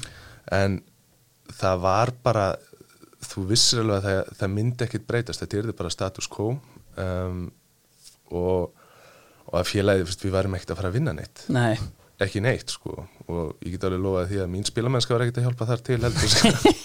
Ég var þarna, bara eins og alltaf sko tölvers meittur var að koma inn um, var að spila, ég held ég að við skoraður einhver fjögur í fjórtán mm -hmm. mann rétt ég var nú, að- ég ætti að vita ég var að rífast við einhver á síðan. um, en veist, ég var að spila langt frá, frá mínum bolta ég var svona, ég kem oft inn á kannski frekar maniskur í æfingum og þarna í einhverjum meðslunum þá hafði ég bara byrjað að lifta alveg eins og hundur sem að þýtti það að ég þurfti orðið bara ringtór til þess að vera með einfalda slefnubreitningar ég er ekkert eitthvað óvalega þetta er engin hápunktur á mínum, á mínum sagt, leikmannaferli því ég horfið svona á mína spilamennsku. Mm. Í Brömbi er einhver annar vinstri bakkur sem ég var til að uh, velta aðeins upp við. Það er Joseph Elanga sem er Já. sennilega í dag þekktastu fyrir að vera pappi Anthony Elanga Einmitt. Góðu gæði sko, já, hann voðalega skemmtilegur. Já. þetta er kannski svona einn af fáum þetta er svona best að lýsa þessu þannig hann er svona eini gaurinn, hann var svona eini gaurinn sem var hlæðandi í jarðaförunni sko. Já, alltaf gaman að hann var alltaf komið einhverjum afrikansku búningum svo átti hann til bara að hverfa sko. já, þá kannski sást hann ekkit í þrjá daga. Næ og svo bara fannst hann einhver staðar og bara helviti resaði, mætti daginn eftir eins og ekkit væri. En það var við lístum alveg eftir honum nokkru sinnum. Við gerum það, en góðu leikmaður Já. og er kannski eina sem klikkaði því hann komst pottet í svona 20 fyrirgeð á störi leik og ég var inn í bóks að býða ég held ég hef ekki mikið einn aðeim það var nú kannski eina. En á sama tíma, veist, hefði ég verið að skora úr því Já. ég leiði skora sko. Algjörlega, herru, færum okkur bara upp á miðjuna. Hún er auðvitað í bóði sjóvá, bestu trygginga sem myndir að fá, takk fyrir það, menn. Ég var að byrja þetta bara á hvað ég var að segja, hægri kantinum kannski? Já, vorum við ekki með einhverja breytingar þar? Sko, við vorum að tala um uh, finska hippan á tímabili. Hann er, Uh, er vinstram hann er vinstramegin, en allir við að henda Emil Forsberg hann inn? Já, hendum við honum ekki bara á miða miðu Jú, ok, Getum gert það? já, Við getum alveg stekið hann bara. Já, ha. tökum hann. Já um, Náttúrulega búin að ná fáránlega ekkit fáránlega langt með við gæði en, en svona með við kannski þann hæfileikarnir voru alltaf til staðar. Já, en þegar þú sérð kannski hann fer frá okkur örgulega tveim-þreim árum eftir að ég farið hann uh, og fer til Malmö. Mhm, og ég sé hann oft hjá Malmö uh, spila. Og þá er þetta orðin allt annað leikmaður. Já. og þá sér maður svona fyrst í hvað stemdi mhm. Hjá Sundsvall var þetta svona gaur sem gerði hluti sem voru gjósalega fáralegir Hann er náttúrulega bara 17-18 ára eitthvað þegar þú ert að byrja að spila með hann í Sundsvall eða ekki? Já, við heldum við höfum verið hérna saman í þrjú ár. Um, og hann er hérna að koma upp úr öðrum eða er tekin upp úr öðrum og er að æfa með okkur. Mhm, um, og og gerir það bara vel en hann til dæmis þeir voru að koma nokkur upp saman og hann var ekkit endilega svo besta þeim. Nei, um, en hann var gríðarlega efnilegur, ég tek það ekki á hann en þá sér maður líka sko þegar þú ert búin að bæta við hæfileikana vinnusemi og dugnaði um, þá, þá var hann komin hérna og það varð eiginlega á þessum malmö tíma eftir því sem að ég hef best séð og það gerir náttúrulega hann að þeim leikmanni sem hann er búin að vera í búndislíkunum núna með Leipzig í og örgulega bráðum ykkur, hvað, 8 ára 7-8 ári á held ég. Hann kemur þetta bara klart 2015 eða eitthvað. En þú veist, einmitt, eins og segir, skilur þú veist 17-18 ára, metnað fullur góð gæi eða? Já, já, ja, bara mjög góður. Uh, svona glaðvær um, svona, Tók vel í öskrin frá Ara Já, já, það gerðu það nú flestir. Það, var bara það skemmtilegur svona utan vallar hann Ari að það tóku því allir maður. Um, en eins og Emil hann hérna hann var að gera hluti sem voru ofta tíum að æfingum líka þegar hann var 17-18 hann hefur ekkert langt að segja hæfileikana. Pappans var kannski aða legendi í Sundsvall Mhm. svona þang til að Emil mætti á svæð um, en sko það fleitiði bara hálfa leið. Mhm. og hérna, mér fannst hann alltaf vera rosalega afslappaður, hann var ekki með eins og þegar ég- var bara með gráða fyriringin 18 ára haldandi ég var búin að missa lestinni sko. hann hafði allan tíman í heiminum, hann var ekkert að stressa sig. Um, en hann hérna hann er búin að taka því líkum framförum og er örgulega besti leikmaður svíþjóðar. Mhm. svona á eftir kannski slatan auðvitað Mhm. en hann er náttúrulega á miðjuna þar mhm.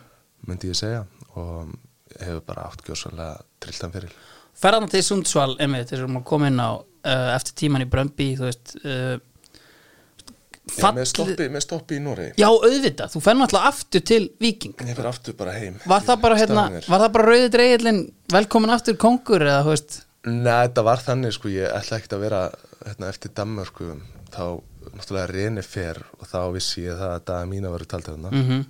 og það tekur við þjálfari sem heitir Tom Kullert mm og ég vildi fara og ég vissi alveg að þeir vildu losna við mig sko. Að það hafi ekkert neitt volið mikið leyndamál en um, það er alveg beðið með hennan fund þá til að glukkin í Evrópi lokaður. Já, bara tveimdugum setna þá er ég kallarinn á fund og, og hérna hann sest þetta niður með mér og hann segir bara herðum, þú veit ekki mikið að fara að spila. Næ Nei, hvað hérna um, Já, ok, hver er, hver er staðan svo nákvæmlega? Að þú ert, þú ert strækjunum með fimm Ég bara Við erum bara fjórir. Hann bara horfir á mig bara, Nákvæmlega. Ég var svona, að geggjað, takk fyrir þetta.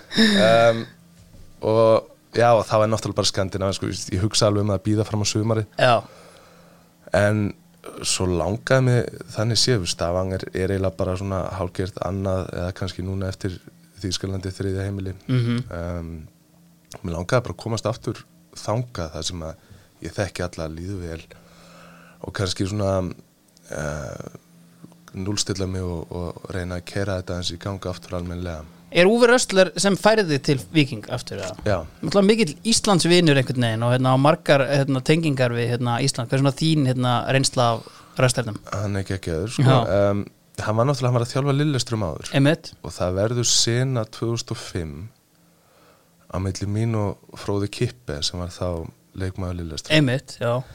um, sko til þess að gera langasögu stutta í fyrri áleik þá hérna er ég með eftir einvið við hann. Bæði komið með skurð og heilaristing. Já, þetta er svona gauð sem endaði feril bara á hverju tímabili sko. Einmitt. alveg rosalegur. Um, og þá í hálfleik þá er ég hérna inni bara með hérna, kalt hanglaði yfir höfðinu og er bara að deyja og þá er mitt hendi róið þess að flegu setningu hérna, he's all over you like a cheap suit Já. þú verður að gera eitthvað, bara að verja þig og ég fer út í setni og það var ekkert eitthvað tilgangurinn að meiðan nei, en ég ætla hins vegar ekki að fá hérna, einn olbúa í höfuð Já, já. sko. þannig að ég set minn bara upp og ef ekki orðað þannig að hann lendi meira á honum heldur en já, og, og hann held í tví eða þrý brotnar í framann og þá er Úvið náttúrulega þjálfa þá Mhm. Og við getum orðað það þannig að það fór allt í háaloft Mhm. ekki bara inn á vellinum Rói Hótsson tekur mig eiginlega strax út af Mm. mjög skynsal ákvörun uh, og hérna og það fer allt í háaloft sko, bæði í pressunni á milli liða og Sérstaklega einmitt í pressunni. Það var nefnilega búið á ein- einhver blaðama nýbúin að vera að tala um alvarleika höfumeðsla í Noregi og okkur svo leiðis. Þetta kemur ná beint í framhaldina því og það er rauninni bara kallað eftir löngu bannesi á Hannes. það var held ég kallað eftir fangilsistómi uh, tveggja ára banni. Já, og þetta er náttúrulega allt Oslo pressan, Oslo lið um, og mér, leið, mér fannst ég vera svolítið eitt þarna mér félagi ekki alveg koma inn og, og verja mig þannig að ég tók það bara upp á mitt einstæmi að fara að gera það sjálf já, og mætti hérna, eitthvað við tölum og, og það var bara olí á eldin sko, sem að Já. var til þess að á endanum þá hérna, ég var líka að fá einhverjar hótanir og eitthvað svona. Já, og þeir senda mig bara úr landi í held í viku. Mm, um, þannig að þegar að hann ætlaði síðan að fá mig 2007 sem er nú ekki nema tveim árum setna mm,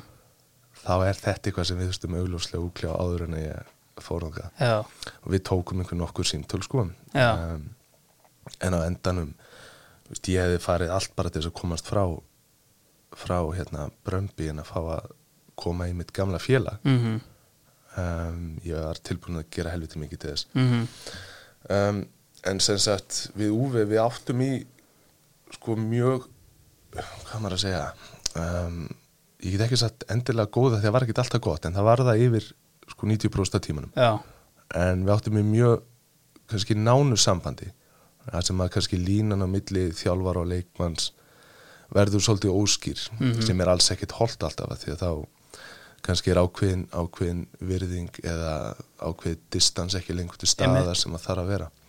Og hérna og það við mitt, þú komst nú inn á það fyrir þáttinn og ætlar aðeins að spyrja mútið það. Mm. en það verður þarna sem sagt okkur lendir einhvern tímann saman á æfingu. Og þá var hérna, öll pressan á þeirri æfingu og hún skrifaði allt mjög saminskusamlega orð fyrir orð.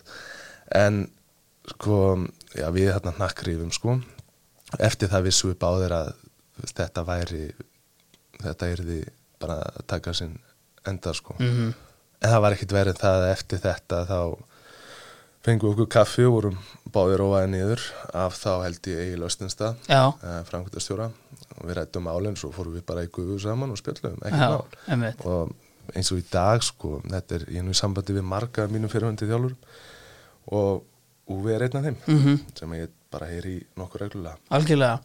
Sem ferðu hérna eftir þetta scenario meðal annars til Sundsvall uh, Já, já, út á sólinni. út af sólinu og hitanum og hérna, brunanum og engum hita. En sko, þú veist, lið þið fallið hann á fyrsta ári og þetta eru síðan tvö sísón í súperættinu, það ekki? uh, Jú, þetta er það Þetta er sko, ég ferði þarna á þeim fórsinu þannig Per Jóar Hansen að þjálfa liðin Mm.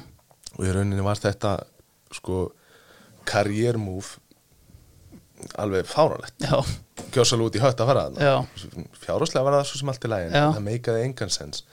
Sérstaklega svona í ljósið þess hvaða mögulega ég hafði í stöðunni. Hvað fleiri mjög Eh, voru það voru bara topplið þá í Núri og, Mhm. og Svíþjóð. Um, en ég ákveða að taka slægin og líka bara út af það er hérna Íslendingatenging ég þekki uh, Per Júar aðeins. Mhm, og hann samfærið mig með góða veðrinu í Norður Svíþjóð já. Um, þannig ég fer þangað og það voru ágætis plön í gangiðar mm.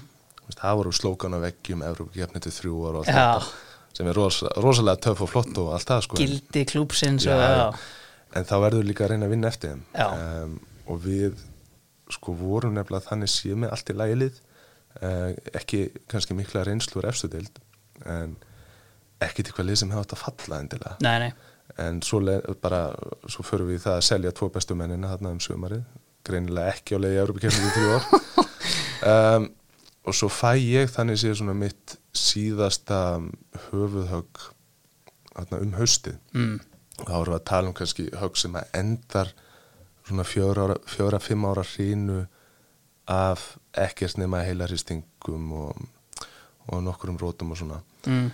og það, fyrst ég missi þarna lókunum ég er nokkuð sem að þetta hefði kannski lítið öðris út ef ég hefði ekki mistað þessu leikjum en, en þetta líka setti ákveði svona þetta setti ákveðin tóni í restina af ferlinum að því það var mjög tvísindum að ég myndi spila nokkuð með náttúr Það er einmitt svona veist, mikil umræð í dag á Englandi með þetta. Alan Shearer hefur talað um hérna, veist, hérna veist, bara, bara það að skalla boltan skilur þú, veist, og bara áhrif þess þú bara, ef ég spyrði þig bara hvernig ertu í dag, skilur þú finnur þú fyrir þessu að þú þetta var alveg harður fyrir einhvern veginn hjá þér? Nei, nei, ekkert í dag sko, ég held að það er nú þannig að, að, að hluta til fyrsta lagi jafnarið Já, um, en oft á tíðum þá þarf náttúrulega frekar mikla vinnu í það. Mm um, bara andlega að, að átta sig að sá hlutunum.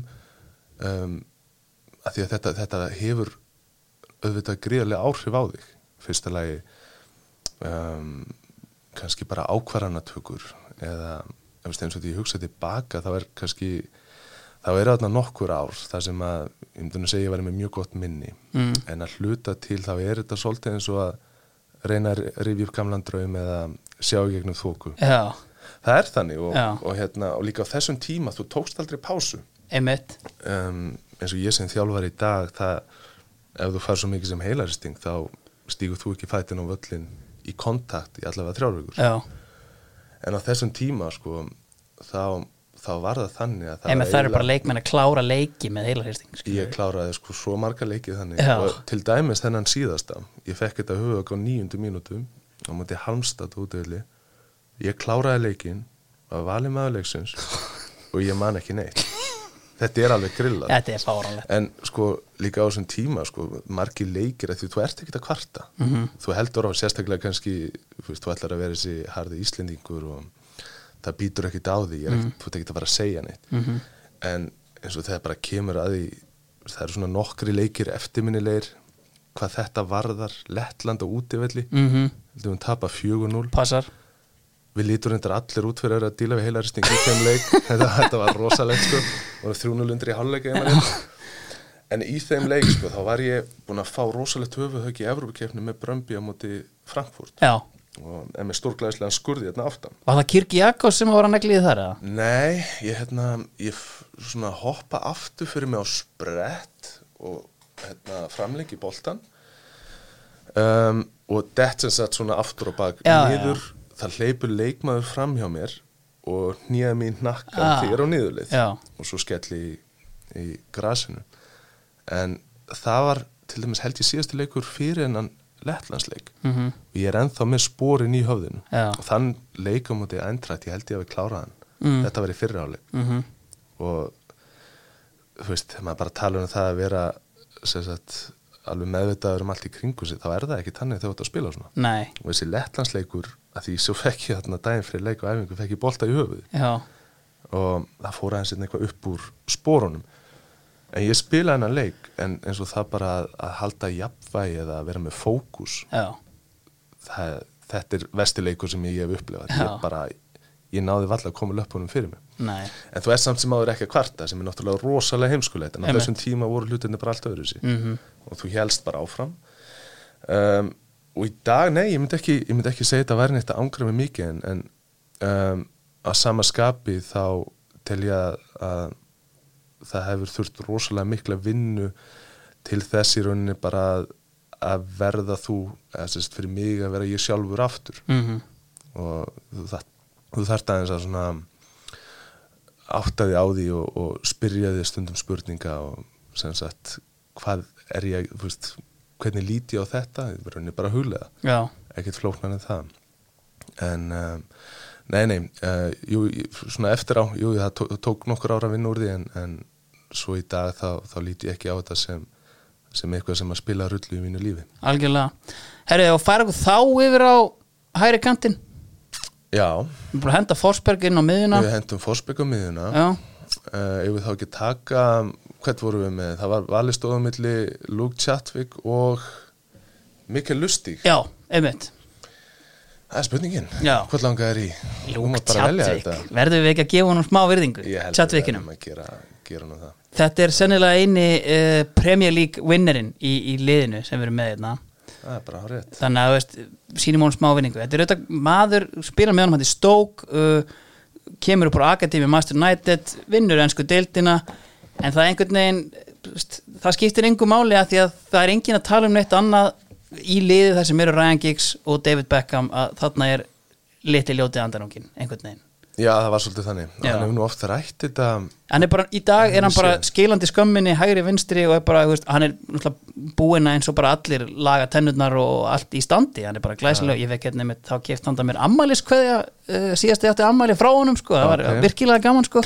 En svo hvernig hérna, þú veist þetta voru stuðningsmenn, þetta voru pönditar, hvernig var bara að vera með honum inn í klefa, í þessum hérna, enska klefa sem við varst að tala um áðan bara, hvernig, hann að heyra það þar líka? Sko, þú getur rétt ímyndaðir já, og það hefur örugglega ekkert verið neitt rosalega öðvelt fyrir hann. Nei. Greið, sérstaklega þegar maður horfður tilbaka. Mm. uh, og oft fór þetta eflaust langt yfir hérna, velsami smörk. Já, ekki það að ég hafi eitthvað tekið þátt í frekar heldur en aðri sem að svona uh, já, kannski átt að sjá stöðinni já, en það sem að maður verður að taka inn í þetta sko, ímynda sér áreiti sem hann hefur orðið fyrir.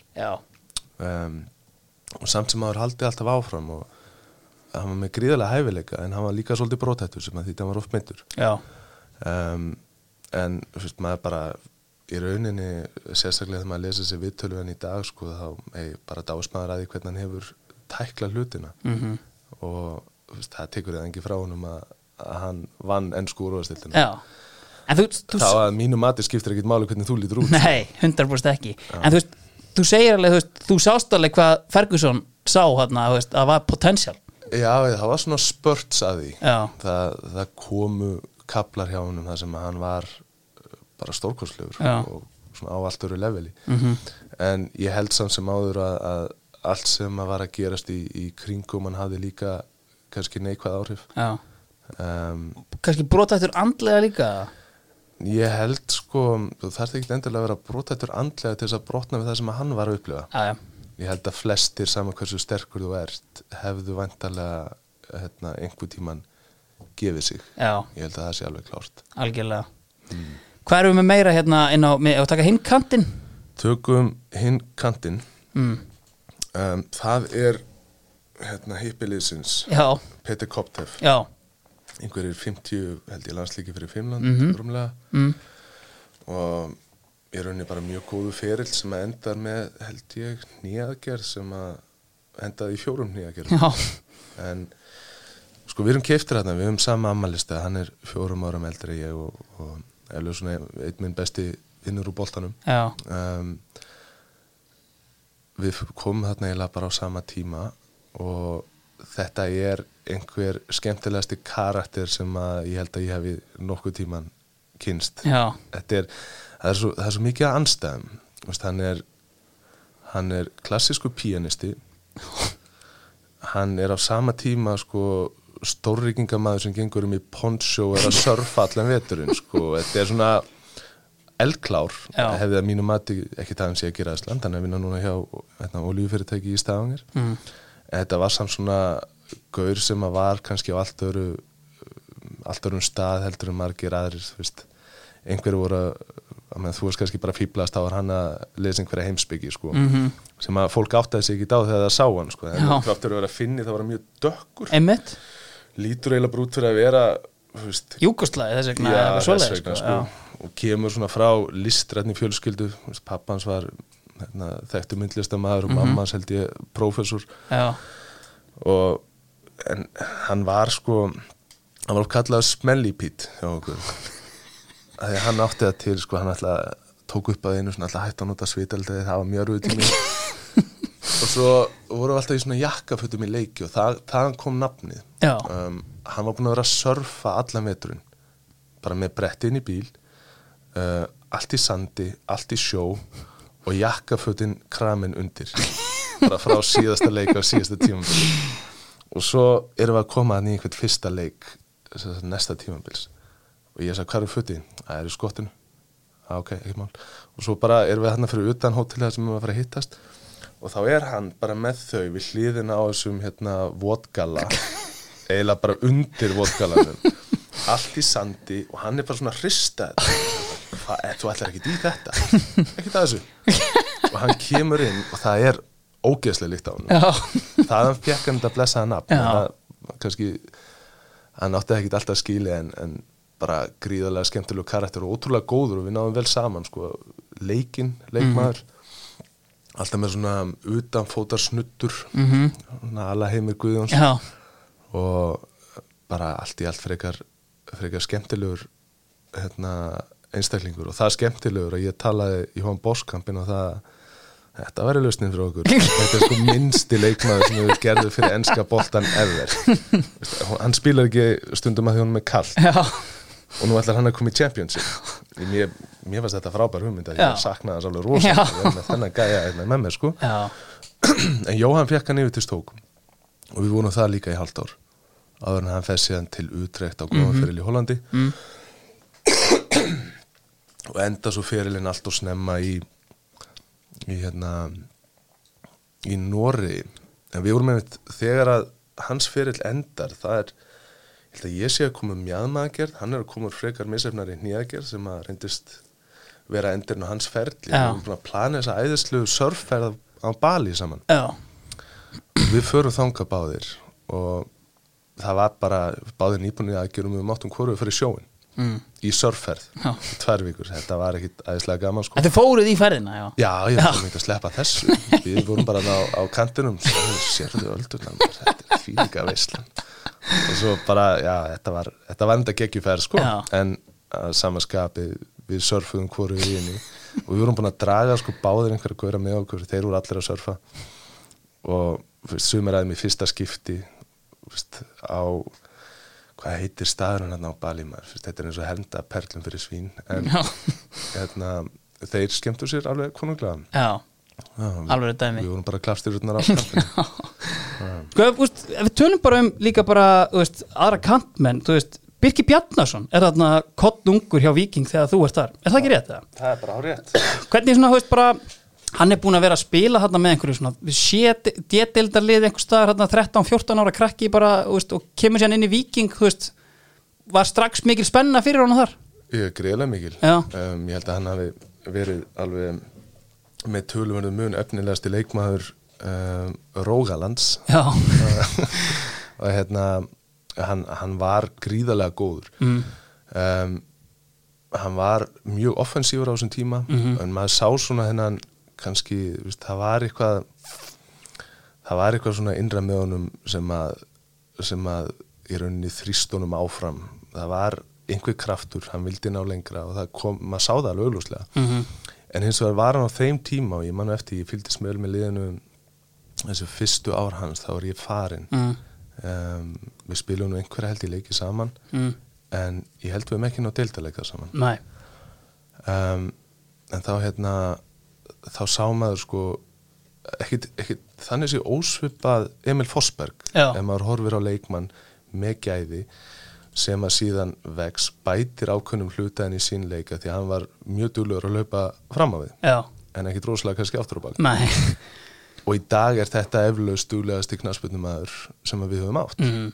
En hann bætir þessu síðan inn í sinn leik og, og vex og þróast. En ég meina, hann var ofta að spila bara tíu þannig með viking og skora hauga mörgum held ég átt 2008, 2009 Mm jafnvel lengur.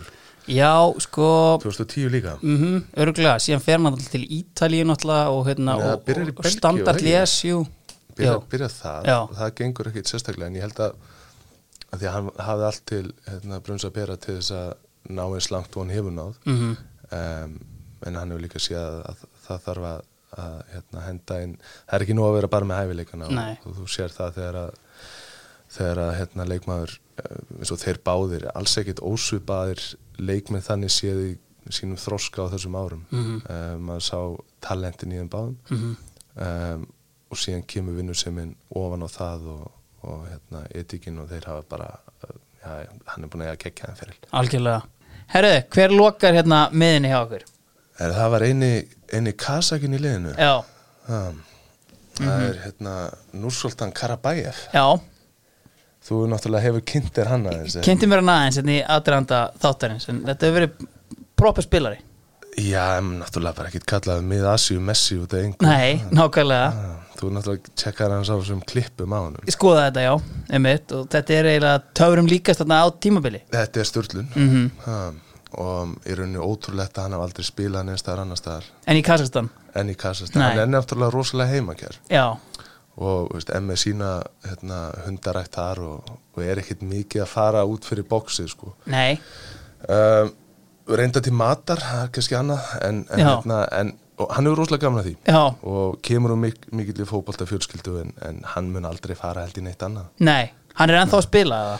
hann er ennþá að spila, hann er svona komin á síðustu metrana Mhm. en, hérna, en töfratnir eru ennþá til staðar Algjörlega En við förum bara yfir hérna sko, þennan feril hjá þér kannski svona sem að er eftir uh, á kemur heim í FH þarna frá Sundsvall og fer síðan aftur út til hérna í, í atvinnum sko. bara byrjum á bara þegar kemur hérna uh, heim eftir tíman í Sundsvall þannig að þú er búin að vera tvö tímabil í superrættunni búin að skora ágætlega þar.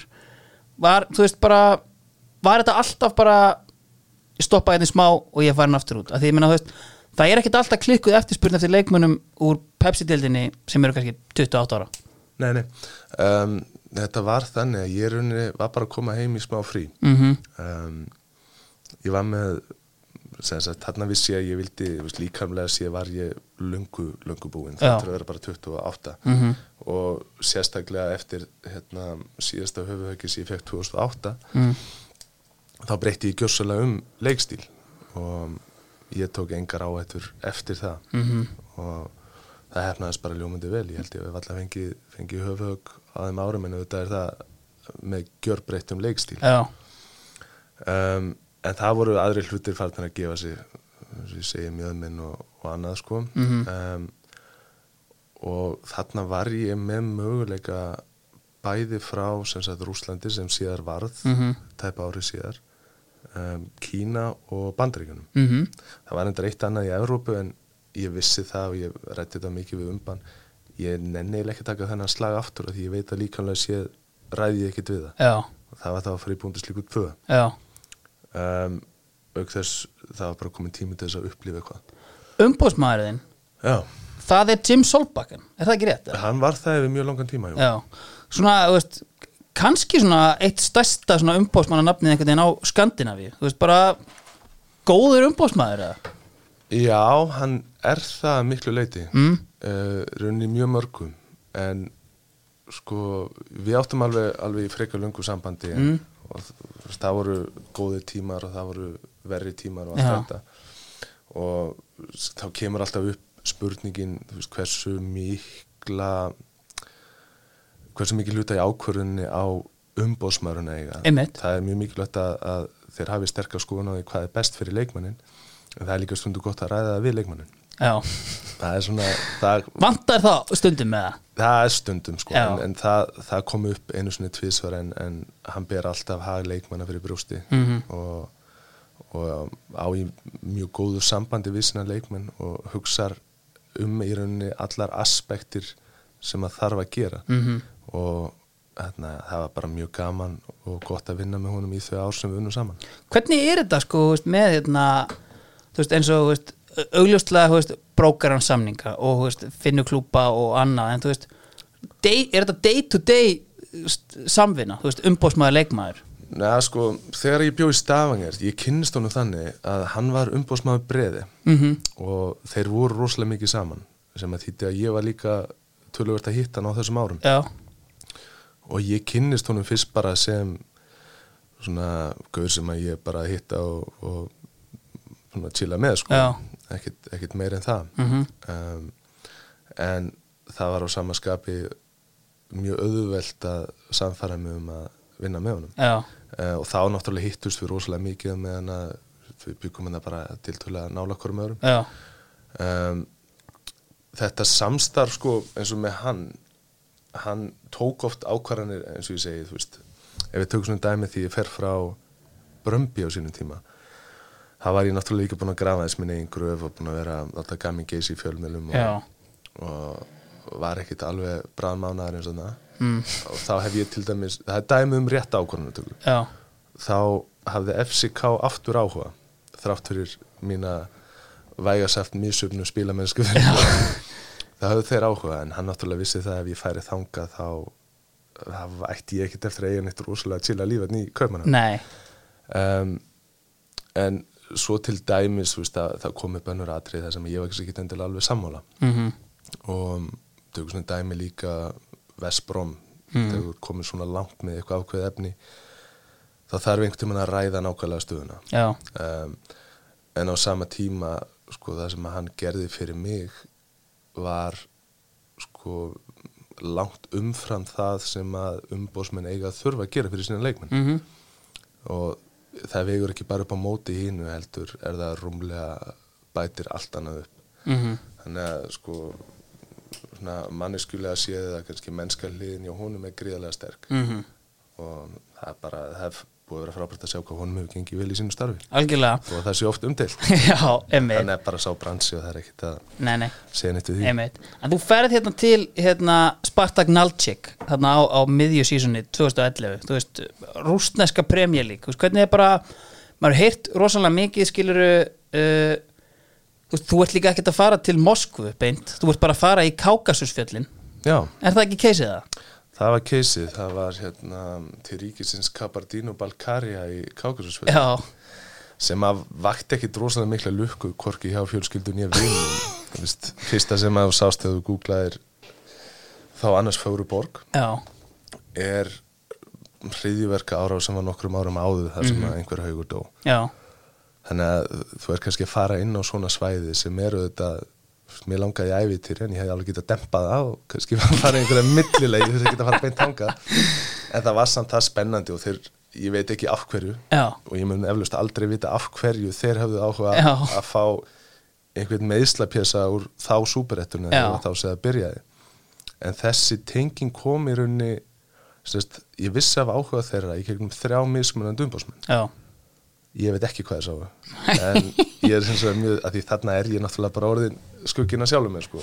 Ég talaði við mann hérna veist, fyrir þátt sko og, hérna, og hann saði bara veist, einmitt, með þetta veist, skrokkurinn erfiður og annað en bara þú veist þegar Hannes mætir eitthvað með alla sína sentimetra og holningu tekur í höndina mönnum þá er eiginlega bara samningur á borðinu. Um, jú sko ég, ég var kannski ekki beint að fara að breyta miklu þarna í setnum hluta fyrir sem sjá þeim liðum sem ég var hjá innanvallar mm en hins vegar kom ég með kannski ákveði presence um, ákveðin kultúr vilja, ég hef alltaf verið greiðlega vinnusamur og, og hérna og kannski bættu fyrir það sem ég gæti ekki lengur gert með öðrum þáttum og sem það er í klefanum eða á, eða á hérna, æfingasvæðinu. Og jú, jú, það var eins og í Rúslandi þú ert testaður um leið. Mhm. ég, þú veist, sérstaklega kannski líði sem er í Kákasusfjöllunum. Um, hérna það var ekkit endilega veist, ég vissi samt að því, sko, það var einn sem hafði spilað í Nóri uh, Otto Fredriksson sem var þá landslismarkmaður Finnlands. Mm -hmm. hann sagði það alveg mig, sko, þú verður núna testaður, sko, Mhm. þú veist, þú ert útlendingur bara þannig að vitir að því. Já, það var fínt að vita að því þannig að þá bara náttúrulega mætti ég og, og gerði það sem þurfti að gera til þess að það myndi aldrei gerast aftur og, og kom mér bara alveg inn í þetta. En það er líka annað sko þegar maður er að fara á svona slóðir þá held ég að það sé mjög mikilvægt að bera líka virðingu fyrir þeim kultúr sem þar er mm og reyna að koma sér svona að fremsta megni inn í þau mál sem eru þar töluð. Mhm. um, en jú, þú veist koma inn, koma inn í klefan um, og vera opinn og allt þetta og, og gera þá vinnu sem þarf að gera það hefur aldrei verið neitt vandamál og það er í rauninni kannski eina sem að sem að fleitti mér í það að fá þessa samninga því að þarna eru líka, það byrjaði á Íslandi með hásinandna sem að ég enda síðan á að skera báður upp um, þannig að þarna er ég orðin ansi takmarkaður líkanlega mm. Hvernig var bara levelið í, veist, rúsnesku deildinni? Sko, þetta er í rauninni gríðarlega sterk deild Já. ef maður spáir í því eins og við vitum það betur eftir að hérna, Íslendinga fóru síðan að koma þangað. Einmitt. Hvort sem að það er CSK, Lokomotiv, Spartak Moskva, Zenit, mm Rubin Kazan um, Ansi á sínum tíma hérna það náttúrulega var á þessum tíma. Já. Ansi Mahatskala mm um, gríðarlega sterk deild. En einhvern veginn náðu er aldrei neinu í Evrópu og, Nei, og ég veit ekki hvort að það sé knaspinleis eðlis svo ástæða eða, eða hvort það sé eitthvað annað. Mm en deildin var alveg bara hörku sterk -hmm. myndi ég segja og hérna og ég rauninni ekki að vera þarna því að ekkit bara það að það hafi verið Rússland mm það er eitt kannski búið í Moskvu eða Pétursborg Mhm. en að flytja kannski til Naldsík og fá að upplifa þetta og þann kultúr sem það er það er hérna, eitthvað sem ég er ansið þarláttu fyrir Minnist einmitt á þetta að veist, hérna, þetta er hálfgerð svona ferðartösku ár hjá þér hérna, eftir þetta, meina, þetta er einmitt Nalchik, þetta er uh, Kazakstan, þú veist, varstu alltaf einn á þessum tíma eða fylgdi fjölskylda eða? Nei, nei, ég var alveg einn, það Já. er ekki gengið. Fyrir utan það að ég vildi ekkit að fólk væri að koma að það veist, það var einhver að spyrja að ekki að kíkja á þig? Hvað til Kákasusfjallar ekki bara býða hans það verður allt í lagi. Um, Nei, nei, sérstaklega eins og þar það sem að ríkir kannski ákveðin um, hvað maður að segja óvissa eða kannski ekkert að kalla þetta styrjöld en, en uh, það er svona, það er ekki alltaf friður þarna. nei, ég meina, þú veist, þetta er Nalchik er bara, held ég, þetta er nálægt bara Tjetjeníu eða, þú veist, Já, sko, þú ert með í sem sagt, norðanverðum Kákasusfjöllum þú Já. ertu með fimm íslumsk ríki einmitt, þú ert með sem sagt frá vestri til austurs, þú ert með okkur eða sem sagt Kabartínu Balkaria þú ert með, ég man ekki hvort að Ingushetja eða Ósetja kemur síðan svo ertu með Tjetsníu og svo ertu með Dagestan, það sem að Ansi spilar. Og það, það er freka mikil ókýrð á þessu svæði eins og bara sem dæmi um, hérna, Elbrusfjallið sem er stærsta fjall Evrópu einmitt. er í Kabartínu Balkaria mm en þú áttir ekkert breyka því að fara þangað upp yfir að því að eins og þeir orðuðu það við erum að veiða hriðverkamenn þá ert þú bara, en veist, það er alltaf það voru alltaf stopp og hermenn á öllum hotnum mm um, en svo bara til dæmis að ferðast í leiki og bara, veist, það er alltaf bara solid eða, já, já, þetta var enda sko við vorum að fljúa með nákvæmlega sömu típu þegar við vorum að fljúa í leiki og, og hérna hokkilið rúsneska fór niður. Já, þannig að maður var ekkert alltaf alveg að high five allavega nei en við kerðum nokkur og við kerðum einmitt í útileik við Terek Grosny já, í Tjetseníu já, og fórum það í herfild en þeir eru að fara þar í gegnum Ingusséti og ég held að þetta heita lögregli Ingusséti og Óseti en þetta er, það ríkir algjör stjórnleysi þar. Mhm, og ferðin þanga var ekkert mál og við spilum leikinn, unnum hann. Ég spilaði þetta ekki, ég var bara meittur upp í stúku. Já, um, en svo kemur einhver niður og hérna, bara hendur í alla leikmenn massífum auka bónus og segir en rútan fer 5 já, um, að því við hefðum þurft að sagt, uh, við hefðum ekki þetta farið eftir, eftir að byrja að myrkra í gegnum þessi ríki. Já. Og þá tekum við alveg heljarinnar hérna, dítor mm. og sko við, við erum allir komin út úr strax held að það fyrir enginn farið í styrtu sko. og við keirum hann í gegn og við erum nýbúin að vinna leikin það ætti að vera ansi gaman en það er dauða þögn. Að því að þrátt fyrir það að vera með herfield þá það skiptir engum máli á þessu svæði sko, það er ekki fara að stoppa neitt nei. Og það er alveg sko við erum að fara þessa leið tilbaka og þú ert með sagt í söðri á, á vinstri hönd. Mm og þú ert að sjá sólina í runni alltaf fara neðar og neðar Já. og neðar og það er, maður finnur það bara að andrúslofti er orðið ansi svona výrað þannig inni. Já, en það sem að gera svo sem betur, sem betur fer komist við í gegn og um leið og við erum komin inn í gegnum þetta blessaða hlið eða dæmi sem þeir voru með þarna þá var rútunni bara parkerað. Já, og það var ennþá döðaþögn allir löpuð út og hérna, reykingamennir reyktu hinnir fengur sér í glas. Já, og það var ekkert sagt það var bara að horta á síðustu 10-15 mínúturnar af þessu gullfallega sólsetri í kákasusfjöllunum og svo að haldi áfram. Já, en maður skinja alveg spennuna sem að var í loftinu Mhm. það leiði engum vel að vera að kera þetta ekki nei, nákvæmlega. Og ég meina eftir Rússland, þú veist, þá ertu komin eins og við komum inn á til Kazakstan veist, verra eða betra, veist, að einhverju leiti, þú veist, í rauninni allt öðru sér sko, mm -hmm. þetta flokkis kannski sem svipaðu kultúr já, þá er eitt að búa kannski borg sem er í uh, sem er kannski svolítið já gróðusæl uh, við rætur Kákasusfjalla Einmitt. sem að sko, ef maður tala bara um ræktun, ekki það ég sé mikil aðdáðandi um ræktun, þá er þetta besta svæði sko, þarna Já. er grammeti er bara eins og þetta er eins og nammi. Já, ég er ekki mikið fyrir grammeti. Þarna átt maður bara tómatana þeir voru það góður sko. Í að koma kannski á svona hálgerða sléttu sem að þetta er bara þannig sé sandur og steinar og, og svo les um, allt aðeins kannski rára í Kassastan mhm, um, en þessi svona rái gráleiki hentaði mér já, ég átti ekkert innum vesinum að vera þarna sko. Mhm. En jú, jú, þetta er allt annað kultúr og sérstaklega komandi af svæði þar sem að kannski íslamsk trú ræður tölurverðum ríkjum í kannski land þar sem að jú, það er þeir eru íslamsk trúar en það ríkir trúfrelsi einmitt, og þú ert með kannski kirkju og, og, og hérna og þau trúarhús sem að, sem að þú þarft að hafa á svæðinu, þú ert með það bara í sumu gutt og þess vegna, það Mhm. er ekkit vesen. Þannig að þetta er svona aðeins annað kultúr en það var bara mjög gaman að vera þar. Hvernig var gæðin á, á fótboltan þar? í Kassastan Já, um, ef þú myndir kíkja á æfingu og sjá 5 á 5 já, þá myndir þú hugsa djúvill eru þeir geggjaðir. Já, þetta er bara high level. Já, en svo kíkjur kannski á hérna 11 á múti 11 og það er komin einhver taktikinn í þetta. Já, þá, þá svona sérðu að þetta er bæði vilt að vestrið innan og þetta allar ég sá um þetta sko, veist, að ég var bara aðeins að kíkja hérna á þessum tíma þú ert þarna og veist, bara svona, voru einhverju aðrir að spila þarna og annað, þú veist, kannski einhvern einhver celeb, ég sá reyndar að John Gregory Aston Villa legend var að þjálfa þarna í deildinni sko, en þú veist, einmitt svona bara, veist, kultúrin einhvern veginn, er fótbolti mjög vinsæll þarna til dæmis? Nei, ég myndi nú ekki segja það. Alltaf ekki minniborg sko.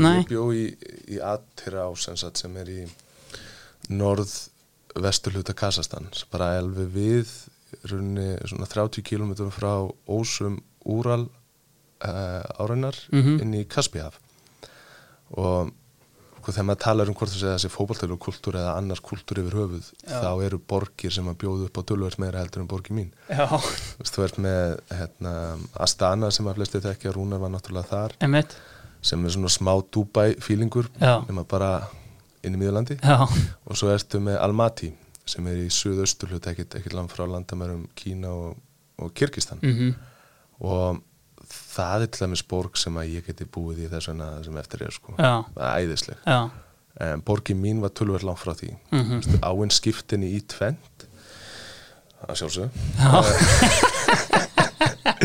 en hún skiptinni þannig að sko um, semst í Asjumegin og þetta eru oft nota sem landfræðileg skilmörk Evrópu og Einmitt. þessi á og Evrópumegin voru að þetta er, var olíu höfuborgin þar var þannig sér allt til alls. Mm -hmm. loku hverfi Evrósk hótel um, góði veitingastæðir en hínumegin, Asjumegin þar er, var rosalega eimt Mhm. og ég held svona nokkurn veginn ef að þú, hafi, ef að þú lendir í því að fæðast þar þá ert ekki að komast mikið lengra heldur en það. Nei, Eh, þannig að það voru greiðlega raufgar og, og kannski með svona, svona fátækt og, og emlika það náttúrulega það, það líta svolítið kannski stemningun í borginni. En, en til dæmis það var frýtt á völlin hjá okkur. Um, og ég held að hafi örgulega aldrei komið meira en þúsund mann sko. og þarna byggum við þrjú 400 þúsund. Þannig að fótbolt áhugin í, í Atirá er ekkit endilega eh, sá mesti. En svona þegar þú veist að fara til veist, að spila við stærstu liðin þú veist, þá pakkaði stadiums eða eru vellinni góðir og veist, þess að það það er alveg góðu vellir, ég þú nú séð þegar Ísland hefur spilað þarna í, í Astana. Um, völlurinn í Almaty það er, er það ekki höll? það er, ég Astana? held hann sé lokaður sko. Hann er það, en sko, sumir af þessu völlum þetta er ekki neitt neitt veist, þetta er eins, bara ímyndaður rúsneskan völl frá svona 1950 já, það er svona cirka meðal völlurinn og veist, þetta er rosalega svona rátt allt. Mm en það er fegurðið því líka. En hvernig er til dæmis eins og bara, hérna, heftum allir Íslendingar sem fara þarna til, til Rússlands til dæmis, veist, það er bara svona, þú veist, greiðslur í lífeyri sjóð, glemtu því og allt eitthvað svona þess áttar, þú veist, og mikið svona, ég veit ekki hvað maður að kalla þetta, brask í kringum þetta. Mm, Brask. Ég er bara erfitt að innheimta laun til dæmis að þess áttar, veist, gekk það allt ágætlega fyrir sig hjá þér? Já, ég, ég borgaði nú svona symbolískan skatt á báðum stöðum. Um, en sko í Rússlandi það var lítið vesen. Greisland kom alltaf á réttum tíma mhm, en eins og að borguður mér aldrei rétt. Já, borguður mér alltaf á mikið. En þeir gerðu það alveg viljandi svona, veist, við gerðum það við alla, alla útlendingana. Mhm, um, en í Kasastan var aðeins meira vesen og, og þá, það kom líka út af, út af kannski öðru og stærra dæmi. Já, sá sem að var yfir sagt, Atiro Oblast sem sagt, svæðinu emitt, var og þar að leiðandi bara ábyrð á líðinu og öllum hann var börstar út á flugvelli í Atirá á leiðinu með enga vel ykkur til Európu, hvort það var London eða hvað það er. En hann var með einhverja 50 miljónu dólar að messir já, og eftir, hann var náttúrulega fleikt í steinin og eftir að þetta gerist þá fáum við ekkert borga næ, og það var þannig alveg sko, ég fór náttúrulega í, í málveða eftir að ég var búin þar eins og Mhm. margir aðrir. Og ég held að það hafi tekið tvö ár, ég flýg síðan áttu til Kasastan, tek það langa helgi um, 2014 mhm, það sem að ég er bara gera þetta. Já. fara í bankan, díla við þá ég er með einhvern frá sambandinu. Mm, svo er einhver hérna reyður umbi hérna á svæðinu sem þaldi segja hluta af þessu. Um, og það þurfti að græja þetta allt. En, en það var gert við unnum málið og ekkert mál en það var nefndar algjör óþörið til hérna, fjöldu tengið þarna stuttu áður. Hann að ég var nú bara að sækja hluta því sem ég hafði átt að vera að sækja. Það var ansi, ansi pyrrandi en, en jú, jú, þeir fram að þeim punkti þegar allt fór í skrúuna og endanum var það líka þannig að, að sko bæði hvort það var fórsett og framkvæmstastóri félagsins þurftu báður að setja inni mm, og að setja í kasastönsku fangelsi er öruglega eitt af versta sem að maður getur ímyndað já, ég held að það sé alveg að taka undir það. Já, Talandi um að sitja inni, uh, þú fer síðan setna til, hérna, til Austuríkis og þar ferðu í í þokkalega spennandi projekt hérna hjá Grötig, uh, Já. ég vona ég sé að byrja þetta rétt fram, en hérna, Já, en, að því. já, en veist, þetta er lið sem er hérna búið að ná hérna, eftir þetta verið með árangri hérna, voru bara í neðstu deild nánast hérna, tíu árum áður, komnir upp í úrvasteild og þið gerir bara eitthvað title challenge. Já þetta er sko sagan á bakvið það. Þarna, sko eftir Kasastan þá er ég á leiðinni til runni Skotlands. Já, og er að fara þá til Terry Butcher í Inverness. Já, um, svo tekið ég mín að loka æfingu ári ég flýð þanga uh, með fylki þá. Mm, og alveg bara, ég var bara súkulað æfingunni en, en ég, liðbandi í nýjana með fór sem sagt bara án kontakt. Já, ég bara fokk, ég veist að ringi mitt í bróður hans Hjörvars og segja nú frá þessu hann bara, er, hvað, ertu eitthvað bílað af hverju varst að æfa? Bara þú átt helst ekkert að reyfa þig. Og ég flýg út og, og hérna, eigði smá tíma þar þar sem að við tökum nýði gegn og sjáum hvað þetta var. Mm. Eigði tölvörum tíma með Terry Butcher sem er alveg geggjutýpa þekktastu fyrir þessa frægu ljósmynd. Einmitt með blóðugan hausinn hann Já, en hann er svona eins langt frá því að vera svo típa sem að svo mynd sýnir og hættir. alveg bara indislega ljúur Já, og ég fekk síðan þau skilabóða að, að hérna, ég var ekkert að fara að spila neitt á næstunni. Mhm. um, þá fer ég bara fyrir að hérna, Loch Ness og eigði einum degi þar við pöpparöld og Mm. ég fallir í skórskri náttúru og svo flýði ég bara aftur heim. Mhm. og er eitthvað svona vinn í því að koma tilbaka en á sama tíma var ég hugsa um að mér sannlega satt bara að hætta þessu. Um, svo kemur henni upp perfekt dæmi að ég fætti Svíþjóður ári, ég fætti Lustríkis þeim vantar einhvern í rauninni þeir vissi að ég var að vinna í mínu meðslum og koma upp og allt þetta sérst, mynd nýja á mér. En á sama tíma eru hásunarna þannig að ég hvað sem er ekkert mikið að fara að hreyfa. En þá, þá hérna vantar þeim einhvern í rauninni svona smá uppfyllingarefni. Já.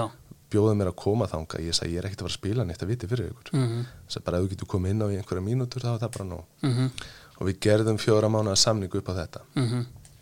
Og svo sendi ég hérna þegar sá tími var að líða þá hugsaði ég ok, ég á max einn samning eftir, mm Mhm. urður endan aðeins fleiri. Já, en ég var ekki að sjá það sko. Um, og þá sendi ég í rauninni svona bara radius af um, hlut af Austuríki, Sviss og Suðu Þískalandi mhm, bara hérna langar mig að spila, getur retta mér einhverju á eins góðu leveli og mögulegt er? Mhm. Og þannig var grötig sem náttúrulega fáralett ég kannski hafði ekkit endilega mikið að, að gera ennþá í þannig bolta en Já. þá voru þeir nýkonur upp í austurísku bundeslíkuna og ég heldur að fara alveg upp um sex dildur á sex árum. Þetta var eitthvað svoleiðis, já og Adi Hutter var Einmitt. að þjálfa og er mjög ungt og spennandi lið. Og þetta tímabil var gjörsamlega bara þetta var fullkomið, þetta var algjör bílun. Hvað við náðum í rauninni frábærum úrslitum með liðseild þess að vera með einhvern eitt sem stóð upp þetta er allt strákar sem fóru sig kannski til Ástria Red Bull Salzburg uh, Rapid, Sturm Graz einhverju fóru til Þískaland Já, en það var engin einn að, hérna, já, nema þá kannski þjálfarin já, sem var ástæðan fyrir þessu frábæra gengi og við endum í þriðja sæti á þessu fyrsta tímabili og náum Európkefni mhm, sem að var bara, það var ótrúlega gaman að taka þátt í því. Mhm. Hvað er mitt, hérna, talar um liðseldina einmitt, en það var nú kannski ekki mikið liðseld í, hérna, uh, í liðsfélagðinum sem að, hérna, Nei, Já, er hérna dæmdur einmitt í hérna fangelsi, þetta var langur aðdraðandi að þessu, en, en sagt hérna talandi um að fara í steinin, að þú veist, þú að spila með manni sem að hérna er síðan bara uppvís að því hann er bara að hagraða leikjum. já, Já. Dominik Taboka miðvörður og fyrirlið félagsins. Já. þetta var í rauninni sko, þessa, þessi dagar voru það er ekki tætt að skrifa eitthvað svona. Þetta var, þetta var það brenglað allt og, og síðan líka þegar það kemur í ljós hvað hann var búin að vera að þessu lengi. Já, um, en ég held þetta hafi verið í tengslum við leik við Rapid Vín og þá var hann búin að setja sko, hann var búin að fá einhvern bónus sem hann átti að deila út til leikmanna. Mm, nema það að hann fer, tekur bónusinn og setur hann allan á Rapid Vín já, en ég held að þessi leikur hafi farið 2-2 já, þrátt fyrir ítrykka tilhörni hans til þess að til þess að klára leikin fyrir Rapid.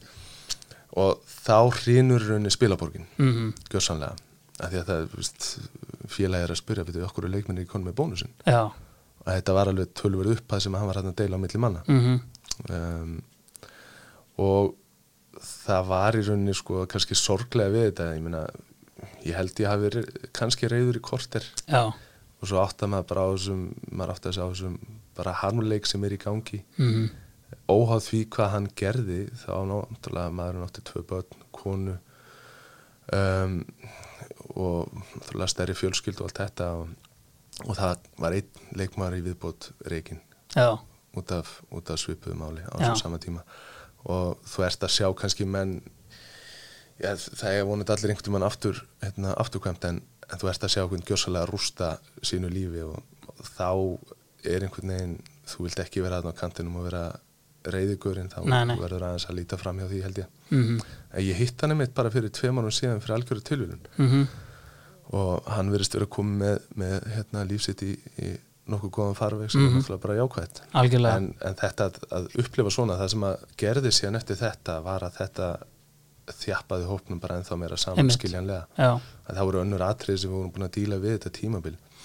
Veist, það var eitt leikmaði hjá okkur sem að held ég að hann var bara næri döða en lífi, hjartveikur og hann var eiginlega bara, held að hann hafi bara búið á spít, spítala allt árið, mm allt tímabilið. já, Þannig að það voru mörg atriði sko en, en hópurinn þjappaði sér alltaf meira og meira saman undir sterkilegisögn Adi. mm nákvæmlega.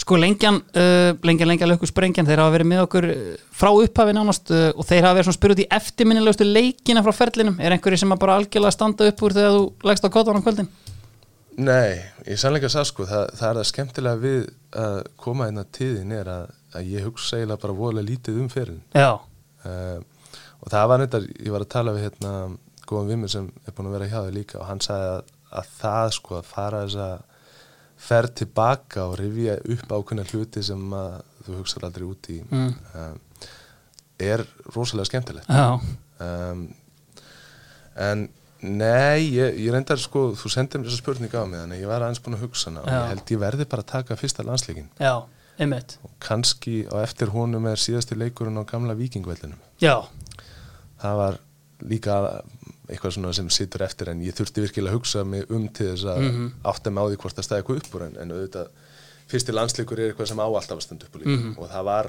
rosalega skemmtlegu leikur. Algjörlega. Herru, framlýran er í búið Dominos og, og þeir vildu fá, sko áður en við förum í fremstu tvo sem loka liðinu þá er ási hjá Dominos þegar hann var að velja tríó mánarins sem er auðvitað Bistro, uh, Dominos Deluxe og, og Tokyo. Hann svona fór í ferlinu og, og hendi Hannesar tríóið. Og þú veist, fyrsta lagi sagði hann bara Mats Tim, Já, hvað var að frétta þar? sko, við fengum hann frá frá Manchester United Já, já, til Viking. Hann var þarna búin að gera allskins óskunda hjá netið uh, átt að reka hann á tímabili og, en þetta var bara eitthvað svona wonderkid einhvern veginn þegar hann fett í United 16 ára Þetta var það, Mm. en á sama tíma sko, um, það voru þessi atrið utan allar sem voru svolítið að, að há honum. Já, um, en hæfileikarnir voru augljósir Mhm. og ég rauninni bara leðilegt hann hafi einhvern veginn aldrei náðum öllum út. Mm af því að hann sko gerði hlut á æfingu sem voru gjössanlega grillaðir. Já, en svo gerði hann ennþá grillaðir hlut undan þannig að það var svona helst í gallin við þetta. Já, Þetta er bara hörkuleikmaður Mhm. og hérna, ég held að hann geti alveg miðlað sinni reynslu til, til yngri leikmaður sem ég held að hann sé að gera það. Einmitt, algjörlega. Og síðan, já, meira um það að segja, ég, við vorum nefnilega töluvert saman já, ég og hann á þessum tíma. Mm um, en hvenær hefur þetta verið? 2004 já, einmitt en það er ekkert eitthvað sem stendur upp úr. Veist, við vorum báðið þá með Jim Solbakken sko, og hann er með þakkað honum fyrir hérna transferið. Já, með gjöf. Svo gjöf reyndist ekkert verið ekta sko. Það er en það var samt hugursamt á hann já, algjörlega. Og ég meina Ási uh, Erik Nevland, það var næsta sem hann poppaði upp, það er náttúrulega, þú veist hálgert svona viking legend einhvern veginn, er það ekki? Já, hann er það og, grú, og grúningin Já, legend. Mhm. Og eflaust smá Fulham legend líka. Já, veist, eitthvað aðeins. En þú veist, þetta er bara gæði þú veist, er hjá United þarna í kringum 97 og maður er einhvern veginn svona pælt ekkert í hann síðan einhvern veginn á, á gamals aldri einhvern veginn, hafa hann fann að raða inn hérna í hollensku dildinni og annað, veist, góðu leikmaður eða? sko sem finnir sér algjörklassi því líkur svona fox in the box það komir alltaf óvart að hann farið aftur til Englands. Og, en það, náttúrulega, það var tengingi með Rói sem spilaði töluvert mikla rullu þar. Það var breiðið það líka. Já, en til dæmis fyrir Holland fullkomin já. En þegar komið kannski út í aðeins líkalveri bolta eins og enski boltin er mhm, það hefði ég ekki séðan hefði, það, ég sá það ekki hvort hann maður myndi taka þetta skref. Mhm. en hann er náttúrulega í liðinu eða í hópnum sem er fyrir úrsliðuleikin í Já, ef ég maður rétt, já, rétt. Breiði líka. Mhm, en hann var oft á tíðum sá sem að hjælt mér úr liðinu mitt Já. þessi fyrstu ár um, eða við vorum saman frammi. Mhm. Og þetta er svona einn af þeim bara sem var- var mjög gaman að spila með virkilega gaman. Mhm, uh, mjög rólegur en kannski ekki ósvipaður Óla Gunnar hvað það varðar að þú heldur að hann sé alltaf góður og, og hérna, ljúfur en svo var svona inn á vellinum það var svona, það var hann með eitthvað dörti element líka sem að, sem að hjálpa honum að, að komast, komast áfram. Algjörlega, og síðan bara til að lokka þessu. Uh, Þú myndist á hann á hann uh, sportsefin á Viking, spilaði ekki líka með Egil Östanstad eða? Við spilum við saman, Já. ég, ég gera það. Það er proper holning á þeim gæja. Það er holning. Það- en þú veist líka bara góður. Virkilega, meina, hann, hvar var hann? Hann var hjá Southampton. Southampton Svo var hann hjá Rangers Var hann ekki líka á Blackburn? Það gæti alveg verið sko. Ég. Já, Ég maður mest eftir honum hérna upp á toppa að djöblast hjá Southampton sko. Já. En já, Jú, jú, við spilum saman sem, sem framherja par. Já, um, sérstaklega svona framan að tímabili 2005 mhm, og nokkuð svipaði týpur. Já, um, en bara virkilega gaman að- spila með hann þessu leikmenni og svo held ég náli bandi við hann því að við vorum svona líka eitthvað saman utan vallar og svona en, en svo er hann orðin sem sagt á knaspinu stjóri því ég kem aftur. Já, og þá var kannski um, bara til þess að fara pendi í það það, það var ekkert bara ég en það voru aðri leikmenn líka þá var sambandið töluvert breytt. Á milli, milli þá leikmanns og, og einmitt. Er hann ekki bara hreinlega ennþá framkvæmdastjóran hjá Viking? Nei, ég held Ekki? að ég held að Nefland sé búin að taka við. Já, það er Nevland sem er tekið við. Það var Nevland sem var núna beðin um að kommenta þarna á, á Patrik, íslenska markmann þegar hann var þarna. Leist með- honum ekkert að það? Nei, hann var ekki sáttur, þetta lítur gríðarlega illa út En nei, er það var ekki, ég var gríðlega hann herru, uh, hverjir eru samt frammi til að loka liðinu, mátt bara ráða hvað þú byrjar. Um, Ég ætla að byrja á Peter Kovacs Já, einmitt. Og það er eiginlega aðlúta þér. Af Já. að þar voru við framir að par. Litli stóri, Nei, stóri stóri? Stóri stóri. Já, Ef við vorum litli stóri, þá var ég litli. Já, sem var geggjað. Já, um, Hann er sko fyrir fólki Akkur ætti fólki eitthvað mikið að þekka Ok, þetta er maður upp á held ég 202 já. 100 kíló. Ég hef nefnt að síðan fara upp í 107 og allt, öllu liðinu var refsa fyrir það, það var aðeins hlaupaæfing bara í eina viku. Um, Rauðharður, ekkert ósvipaða póstunum Páli. Svona hann á sama tíma lítur á sig sem svona algjöran tísku mók. Mjög skemmtileg típa. Já, og að spila með honum þegar við vorum kannski tveir saman frammi mhm. uh, þú sást bara í augunum á varnamannum þeir langaði ekkert í þetta. Af því að hann gæti verið rosalega harður sko. Og átti fína fyrir í Nóri Mhm. og ég held að hann hef aðeins farið til Belgíu. Mhm. En uh, síðan var hann held ég kannski hápunturinn hjá honum er deildartitillin með Stromskóset var það ekki 2014 hvort það er ekki þegar Ödegard er þarna að stíga sín fyrstu skref? Það gæti alveg verið sko. Og annar fyrirvendir samir okkar Ronny Deila að Einmitt. Já, sem er einmitt, já, nákvæmlega Ronny Deila, hann er hérna náttúrulega hérna Sá er komin, er hann ekki á New York Jú, núna? hann tók hérna nokkur ár í Celtic Já, vann deildina þar Mhm. nokkur sinnum. Og fer síðan til Vólerenga og er núna var að vinna með deildina með honum hérna Gumma Tóta? Gumma Tóta Já. sem þjálfari. Nákvæmlega. En þú veist, Kovacsinn, letið með hann? Léttur, já, þetta er sko bara, ég var þeirlega að hafa nátt að kara þenn Já. það hafa nokkru vinni minni hérna heima kynstunum og menn rista bara hausinn við vorum bara sem dæmi um sko, hann var ekkit eins og fólk er flest. Nei, um, það vantaði einhvern ákveð, á, einhver ákveðna síu þarna stundum. Já, og við vorum með svona eh, dæmi sem við gerðum alltaf einu svona viku við klættum okkur upp við tveir og fórum út að borða saman. Já, bara fínir í tauginu. Já.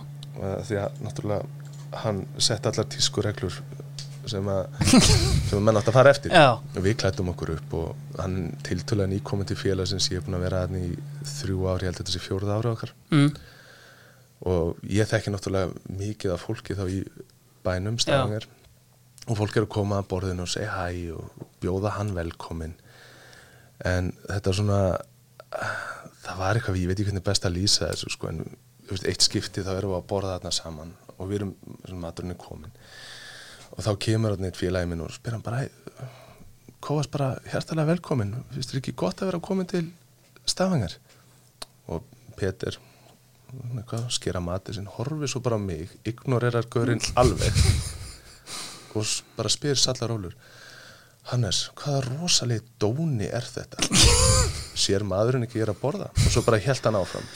Þetta er svona það er útrúlega fascinerandi að vera með manni sem að tæklar öll. Það er ekkert að tala, um, þetta var ekkert einstæmi hann tæklar allar stöður með öðru fólki á mjög svipaðan hátt. Og já, þetta gæti verið sko þetta er bara kostulegt að sjá hann sko, því að hann sá ekkert eða fannst ekkert voðalega neitt aðtöfust við sína hefðu Nei. nokkuð tíma.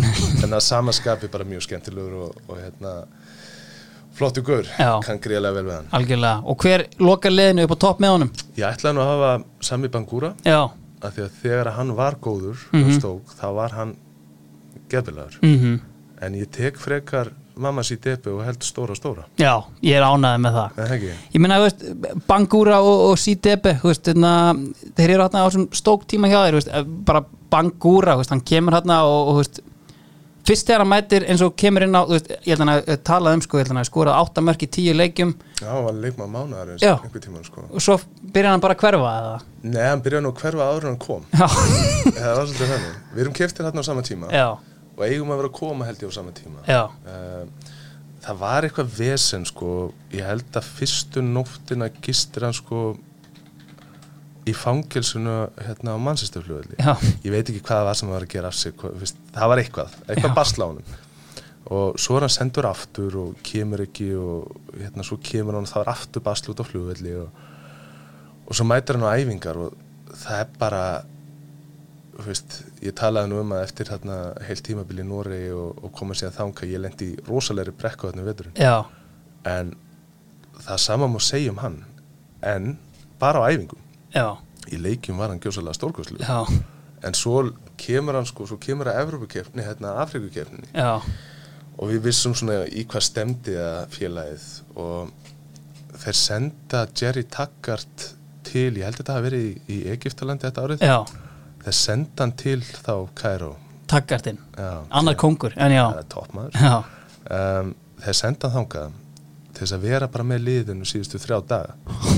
Og passa upp á það að Sammy komi með heim. Takkart er bara leikmaður þarna, er það ekki?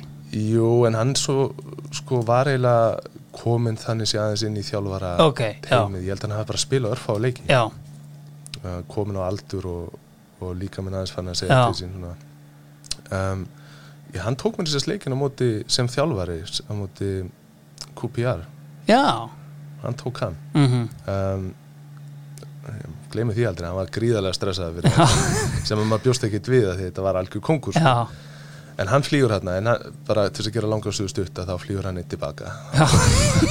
Sami fór bara, bara lögmaði sér út um nótt og fór eitthvað og hann kom einhverju mánuði síðar eða eitthvað og, og það sama gerðist í lók tímabil sko, hann brýtur á sig hendina og svo hann að mæta að taka gifsið. Hann mætir auðvitað ekkert. Nei. En sko það er allt í lagi. Gifsið var tekið á hann þegar hann mætti í ágúst er fyrst, allt og seint. Mætti hann bara það var ekki tætt einhvern veginn að vera reyður út í hann sko, hann lappaði inn í klefa og bara sagði, bara I'm back. Allir bara, hvað er þetta að gera? Maður?" en sko hæfileikarnir voru svo sannarlega til staðar og Mhm. Líka sko að því að hann var ekkit eh, eitthvað, eitthvað nöyt sko. Mhm. en hann var rosalega harður af sér og Já. þvílíku finnir sér en, en mamma verður að, að fá sæti í liðinu. Algjörlega, það er bara gæði einmitt, þú veist, hann var stók heil lengi ég held að hann hafi reyndar hann tekið fínan samning sem hann endaði á að spila ekki neitt en, en, en, en þú veist, hérna fullt að leikja með Premier League og flottu gæði Já, þetta er svona gæði sem bara glæst fyrir hans hönd að hafa hann á þessum árangri. Því að hann var mjög heilstiftur og, og vann alltaf vel. Þvílíku liðsmaður. Já, þetta er ekki, hann hugsaði aldrei um sjálfan sig. Mhm, uh, svona óeingjarn og ósérlífin mhm. Og hérna, ég verði að hafa hann inni líka einn af þessum svona gleðigjöfum alltaf brosandi og í góðu skapi. Já, algjörlega. Herra, við rennum bara aðsnátt yfir liðið. Uh, í markinu erum við með Edugói, Varnalínan, Morris Ross, uh, Breði Hangeland. Uh, við vorum með uh, Clint Hill að sjálfsögðu kongin með honum og Ari Freyr Skúla í vinstri bakveri. Uh, Peter Kopteff og Luke Chadwick á köntunum Emil Forsberg og Nursultan Karabæf töframæðurinn mikli inn á miðunni og frammi eru Mamma Sidebe og Peter Kovacs. Sko, hver myndi þjálfa þetta lið? Ætli ég verði ekki að leifa Íslandsvinnunum Rói Hotsson að þjálfa Já, ég held að það sé Mér bara það svona- mjög við hæfi. Það er klassi yfir honum, það verður bara að taka hann. Algjörlega. Og ef mátti velja, sko túlega hafa verið að gefa auka valkost uh, og það er bara tólti maðurinn í liðið til að halda upp í stuð og stemmingu á bekknum engöngu fyrir mórálsku hliðina. Einhvern sem dettur í hug þar? Já, já, datt alveg þrýr í hug. Já, um, Fyrsti sem kom upp í hugan er hérna, Jón Jónsson. Já, já, Það er ekkert held ég að segja fólki nei, það er mjög algengt val Já. Um, Annar er sem hann nú komið fyrir áður. Um, Það er Óli Skúla. Já, einmitt. Gríðilega skemmtilega karakter. En ég held ég taki hérna Tómas Pereira frá þessum vikingtíma Já, þetta er svona gauður sem að hætti ekki að grínast í eina sekundu þú veist eftir hver einustu æfingu ef að þú varst í lakkskóm þá varstu komið með striðaskó sem var í skónaðina það búið að skipta um belti, bílíkillin var komin á hver alltaf að kippi, já, lóði töskuna og bara svona alltaf létt yfir honum og, og, og ljómandi skemmtilegt bara. Já. Það var og ég held að geti fleiri votta fyrir það. Hann spilaði líka með Rikka og, og Auðun hérna áður Já, í Viking þetta er bara já, svona trúrun í klefanum par excellence. Algjörlega. Sko, förum bara aðeins í sko, sjálfaði núna veist, Ég myndi segja sko, veist, ákveðu svona veist, eftir fyrirlin veist, og svona annað svona, ég myndi segja smá dölúð svona einhvern veginn yfir Rúslandsmúfum, Kazakstanmúfum mikið af veist, hvað veist, komin í þjálfun núna er það algjörlega bara framtíðin fyrir þér? já, já, en það, það átti alls ekki. Nei, en ég held sko ég komst að, ég tók hérna halvt ár sem aðstofið þjálfur í Noregi 2016 já, og meiri sérs á þeim tíma þá var ég langfræði að vera viss. Já, en svo flýt ég til hérna, til München um, og var að ég er neitt að gera í eitt og halvt ár. Ég Mhm. var að bara klára masterinn og, og svona ég fann það og það er eflust út af eins og ég segi út af þessum meðslum öðrum þáttum, ég var alltaf átt í rosalegu svona ást, haturs sambandi við knaspinu mhm, hvað, ég meina, veist, með öllu þessi meðsli þetta er alveg skiljanlegt. Þannig ég er ekki búinn með fótboltan Nei. ég get ekki fyrir utan það að mér finnst fátt skemmtilega mhm. Um, en stefna var aldrei að fara út í boltan en það hefur nú heldur betur breyst. Um, og ég gerir rauninni fátt annað heldur en heldur en að vera að þjálfa eða, eða kenna mhm. uh, knaspinu fræði þá En þetta er einmitt sko að þú kemur inn á þetta bara veist, og sko e- mikið erlendis veist og ég meina uh, konan erlend? Hún er þýsk. Einmitt veist og sérðu þið eitthvað fyrir þér flytja til Íslands aftur til dæmis?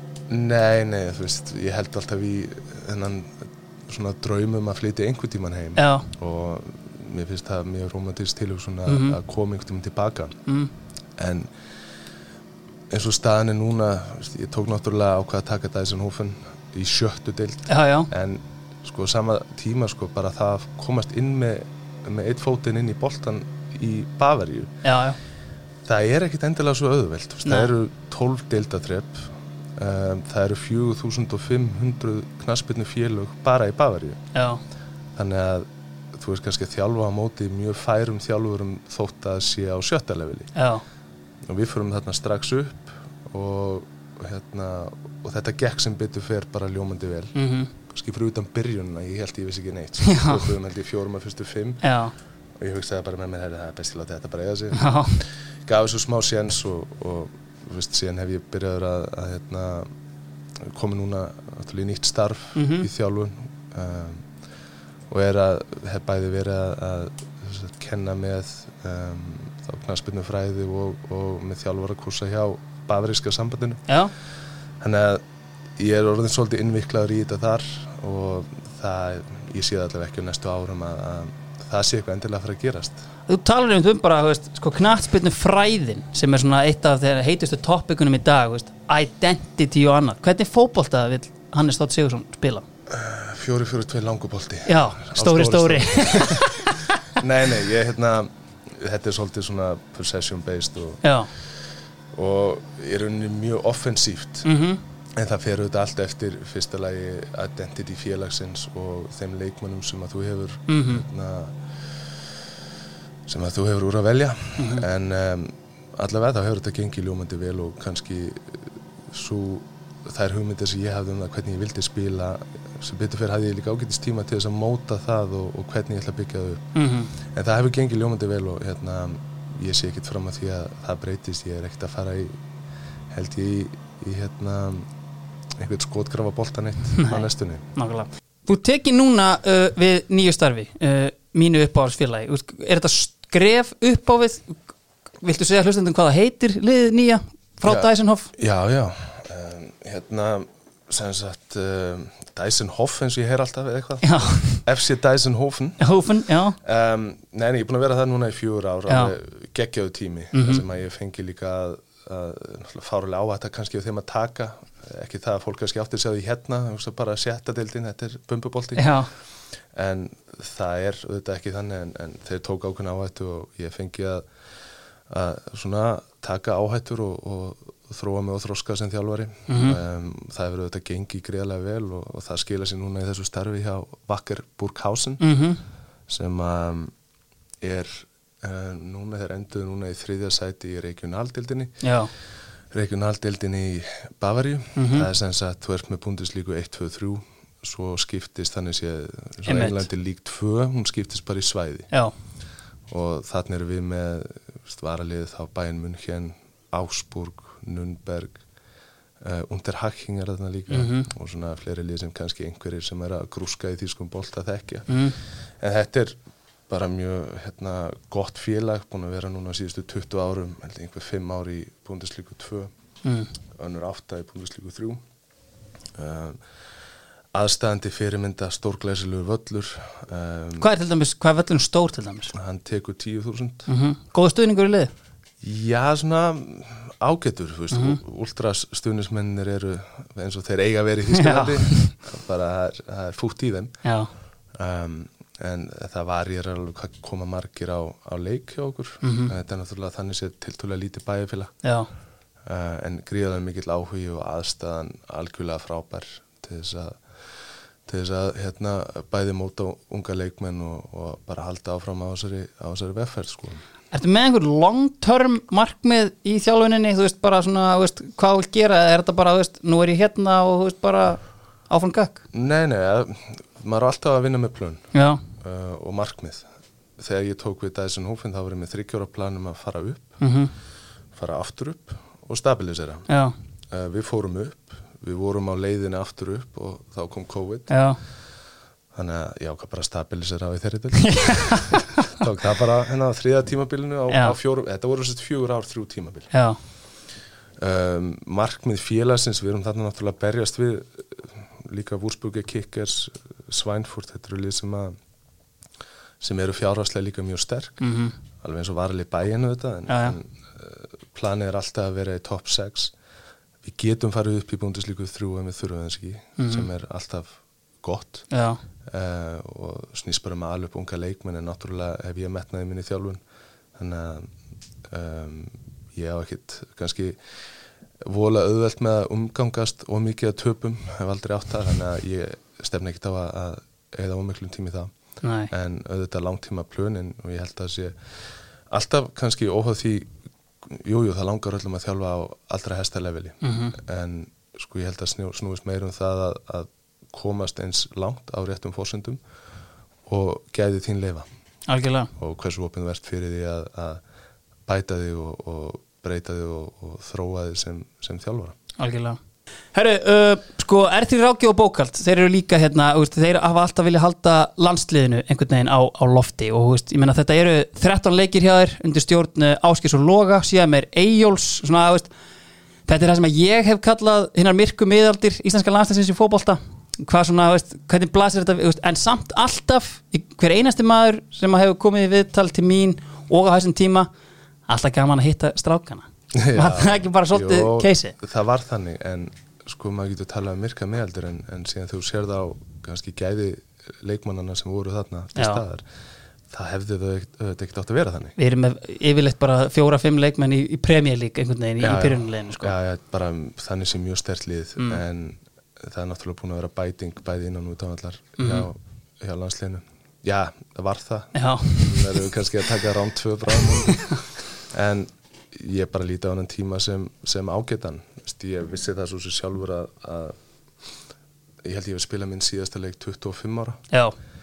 og í rauninni sko með við hver ég var 25 ára uh, þá er ekkit ólegt við það. Þannig að ég er bara þakkláttu með, með þá leikið sem ég fekk í rauninni. Og að ég hafi allavega náð þarna einhverjum kabla þar sem að ég var það heitlega ég gæti spila Mhm. en ofta á tíðum í þessum landslíkjum þá var það heldur ekki þannig maður bara tók þetta á grændinu. Algjörlega. Sko, ég hef oft spurt menn sko þetta, því að Eður Smári náttúrulega í algjörum sérflokki þarna vantarlega sko meðal leikmanna. Veist, var einhver svona annar leikmann um, leikmenn sem var svona, þú veist þú fattaði ekki að þessi væri góður eða bara svona stóð upp úr fyrir þér? Já, ég held, nei, ég, ég, ég áttaði mig alveg á því en Já. sko, ég held alveg að margir átti sig ekki á því uh, til dæmis Ívar Ingimarsson. Já, um, menn átti sig, ég held að menn átti sig ekki á hversu góður hann var. Já, Að ég, ég heyrði, heyrði þetta líka bara nýlega í einhverjum þætti hérna. Mm, um, en mér fannst hann frábær leikmaður. Já. En betri karakter.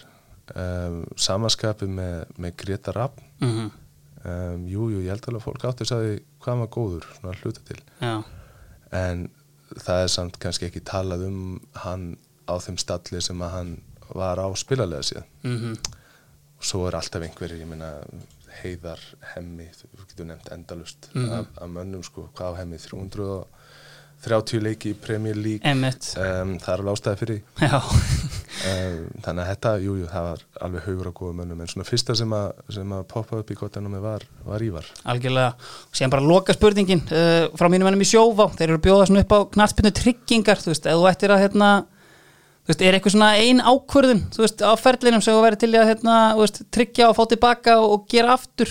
Eða þú veist, er það bara nóri greitt eða?